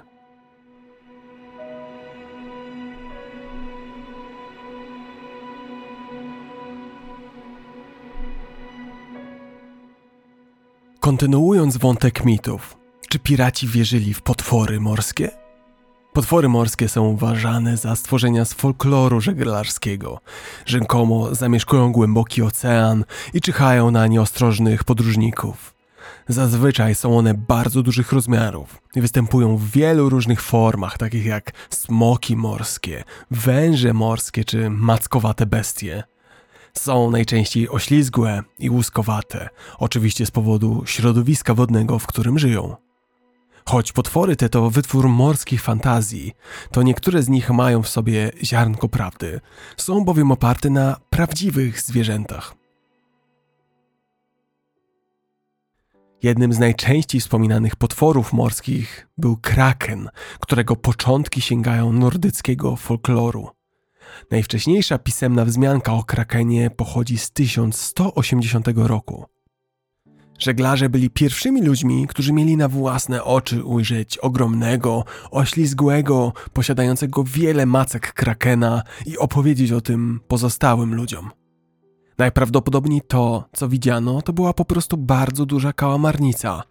Ale morze jest niebezpiecznym miejscem, ludzka fantazja jest nieprzebrana, a każde spotkanie z nieznanym stworzeniem miało szansę stać się przyczynkiem do powstania legendarnej opowieści. Legenda powtarzana zaś wiele razy zaczyna funkcjonować jako prawda. Krakena wkrótce więc obawiali się żeglarze i piraci, wierząc, że ten potwór został zesłany, by żerować na nieostrożnych statkach na morzu. Wedle opowieści, krakeny były śmiertelnie niebezpieczne dla każdego, kto zbliżył się do nich. To przerażające stworzenie miało mieć wiele silnych macek i wyglądać jak gigantyczna kałamarnica. Zaczęły pojawiać się nawet opisy starć z krakenem. Choć był twardy i śmiertelnie niebezpieczny, to nie był niepokonany. Dzięki współpracy załoga mogła skutecznie odeprzeć i zmusić bestie do wycofania się w głębiny morza. Podobno kraken był tak długi, jak 10 statków ustawionych jeden za drugim. Dziś wiemy, że największa odnotowana przez biologów kałamarnica olbrzymia miała tylko 13 metrów, łącznie z mackami. Dalece mniej niż rzekomy kraken. Krakena myślę, że możecie kojarzyć ale idę o zakład, że mało kto z Was słyszał o innym potworze morskim. Obawiano się go w XVI wieku, a zwano go Soe Orm. Stworzenie to niewyobrażalnych rozmiarów i siejące horror na falach było wedle relacji gigantycznym wężem morskim, który miał mieć 60 metrów długości i 6 metrów średnicy. Podobno Soe Orm żył w skalnych jamach i jaskiniach w pobliżu Bergen w Norwegii. Wysuwał się ze swojej jaskini tylko w letnie noce, kiedy pogoda była ciepła, aby polować na cielęta, jagnięta i świnie. W oceanie Soe Orm zjadał również mątwy, homary i wszelkiego rodzaju kraby morskie. Biada jednak tym, którzy napotkali go na statku i przeszkodzili mu w jego polowaniu. Legenda mówi, że potwór ten miał długie, sunące się za nim włosy oraz ostre, ciemnobrązowe łuski, a także błyszczące, jaskrawe ślepia. Potwory morskie, rzecz jasna, są wytworem legend i wyobraźni, ale marynarze i piraci rzeczywiście spotykali nieraz w morzu ośmiornice. Miały one bardzo złą reputację i bardzo się ich obawiano. Ich dziwny, odpychający wygląd, a także mityczne historie o ich atakach budowały w popularnym mniemaniu obraz diabelskiego stworzenia, potwora czyhającego na nieostrożnych żeglarzy. W rzeczywistości jednak ośmiornica to łagodne, ciekawskie stworzenie o zaskakującej inteligencji. Znamy już 300 gatunków ośmiornic i są to jedne z najbardziej inteligentnych bezkręgowców. Wykazują nawet zdolność rozwiązywania prostych zadań i posługiwania się narzędziami.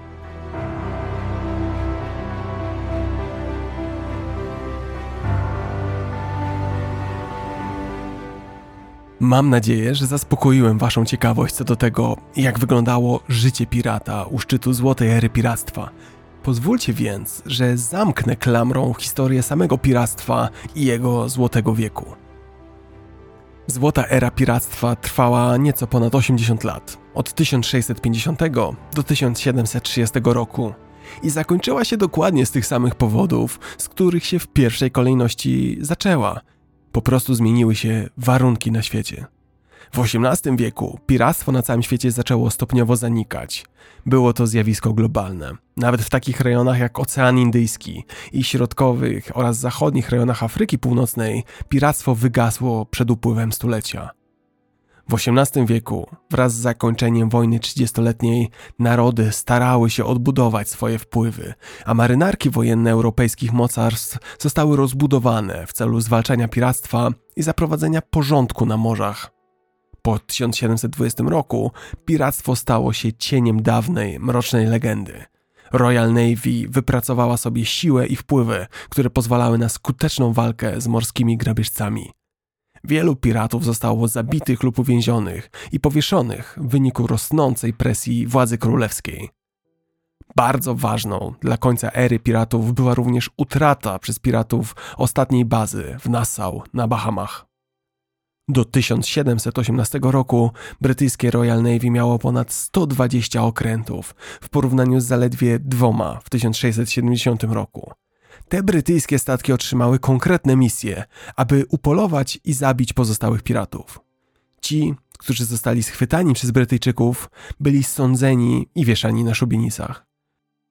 Do walki z piractwem zabrano się tak skutecznie. W kolejce do osądzenia i skazania było tak wiele osób, że rząd brytyjski powołał siedmiu nowych komisarzy, których jedynym celem było osądzenie spraw związanych z piractwem.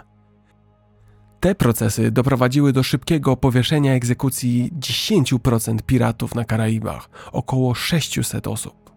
Cała reszta zaś powoli odstępowała od tego pirackiego fachu, był on bowiem zbyt niebezpieczny. Ale piractwo to nie jest zjawisko, które się zakończyło wraz z końcem złotej ery piractwa. Przeciwnie, jest z nami do dzisiaj.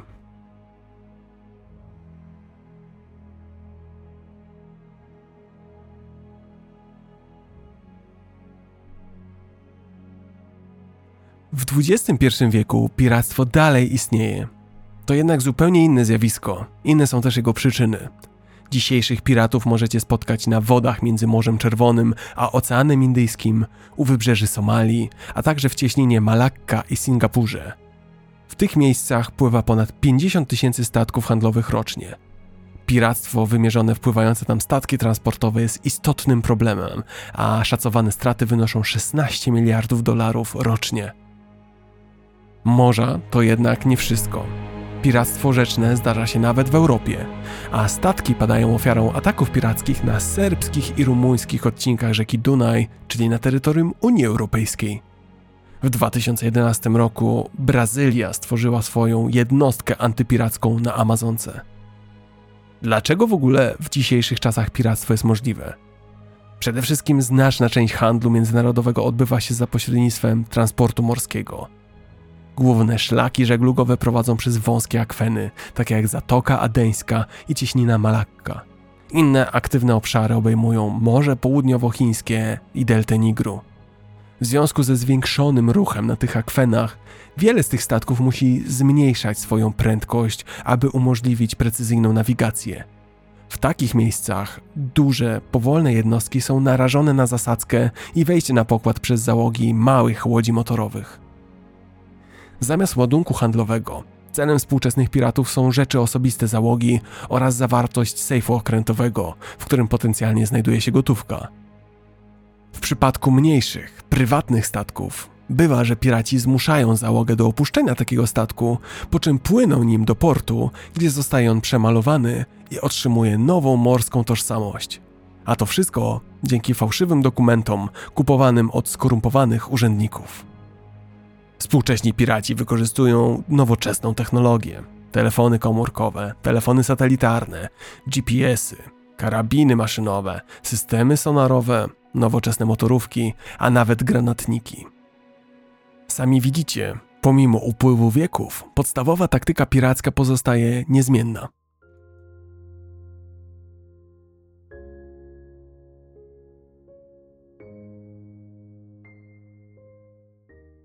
Myślę sobie, że wielu z Was zaczęło słuchać dzisiejszego odcinka, mając w wyobraźni zupełnie inny obraz pirata niż teraz. Zdradzę Wam, że w mojej głowie wizerunek piratów również ewoluował, tym bardziej im więcej o nich czytałem. Dotychczas, pewnie jak u wielu z Was, był on iście hollywoodzki. Człowiek, który za wszelką cenę pragnie pieniędzy, nie licząc się przy tym z nikim, nie licząc się z prawem. Bandyta, który dojdzie po trupach do celu, aby zdobyć skarb, statki i inne łupy. Renegat, który w pogoni za wolnością dba jedynie o swoje własne dobro i swój własny interes. Teraz widzę to trochę inaczej. Piractwo to nie była romantyczna przygoda, wesoła zabawa i miłe spędzanie czasu. To była i jest od wieków często jedyna alternatywa dla biedy i głodu. Czy ktokolwiek przy zdrowych zmysłach wybrałby szkorbut, picie zatęchłej wody, ryzyko szubienicy, gdyby miał tylko jakikolwiek inny sensowny wybór? To trochę mniej romantyczna wizja niż ta przedstawiana w filmowych przygodach, prawda? Mamy taką ludzką tendencję, że szukamy łatwych, szybkich odpowiedzi. Czy piraci byli dobrzy, czy źli? Czy można w ogóle odpowiedzieć na tak postawione pytanie? Zróbmy mały eksperyment. Porównajmy piractwo z innymi zjawiskami na pograniczu i nawet poza prawem. Pomyślcie sobie o tych wszystkich nastolatkach z biednych rodzin, którzy zaczynają sprzedawać kradzione, drobne towary czy substancje odurzające, żeby choć trochę polepszyć swój stan materialny, żeby zaznać lepszego życia. Życia, które widzą wszędzie dookoła, a które to nie jest dla nich osiągalne. Pomyślcie o samotnych matkach, które wybrały prostytucję tylko dlatego, że chcą zapewnić swoim dzieciom byt choć odrobinę lepszy niż im samym jest dany na co dzień.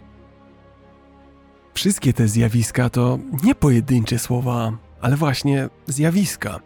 Głębsze, wielowarstwowe okoliczności, nieraz lata zaniedbań, błędnych wyborów albo systemowych niedomagań. To ludzkie historie, to nieraz wola przeżycia czy poprawienia bytu bliskich, ale także Istotnie, to bardzo często jednostki złe moralnie, często szukające dowolnych, byle jak najprostszych sposobów na poprawę swojego losu i niezainteresowane wcale wyjściem poza konflikt z prawem. Myślę, że się ze mną zgodzicie. Z generalizowania nigdy nic dobrego nie wynika. W wielu przypadkach biało-czarna, zero-jedynkowa perspektywa jest kusząca, bo daje szybkie odpowiedzi. Niestety, zazwyczaj jest po prostu niepełna. Tym właśnie chciałbym zakończyć ten odcinek. Uważam, że historia to wyjątkowa dziedzina nauki. Wyjątkowa dlatego, że nie daje nam jednoznacznych odpowiedzi, jak matematyka czy fizyka. Historia nie mówi nam, że 2 plus 2 zawsze da nam 4, a jabłko upuszczone z ręki zawsze pod wpływem grawitacji upadnie na trawę. Historia jest dużo piękniejsza. Historia to nauka kolorowa, nauka, która nie lubi bieli i czerni. Daje nam perspektywy, poszerza nasze horyzonty, pozwala nam więcej zrozumieć, ale jednocześnie robi dwie rzeczy. Po pierwsze, zadaje nam pytania. Po drugie, i najważniejsze, odpowiedzi na pytania pozostawia nam samym. To jest w niej wspaniałe. I tego Wam życzę, abyście potrafili zadawać trafne pytania i czerpali radość z udzielania na nie jak najpełniejszych odpowiedzi.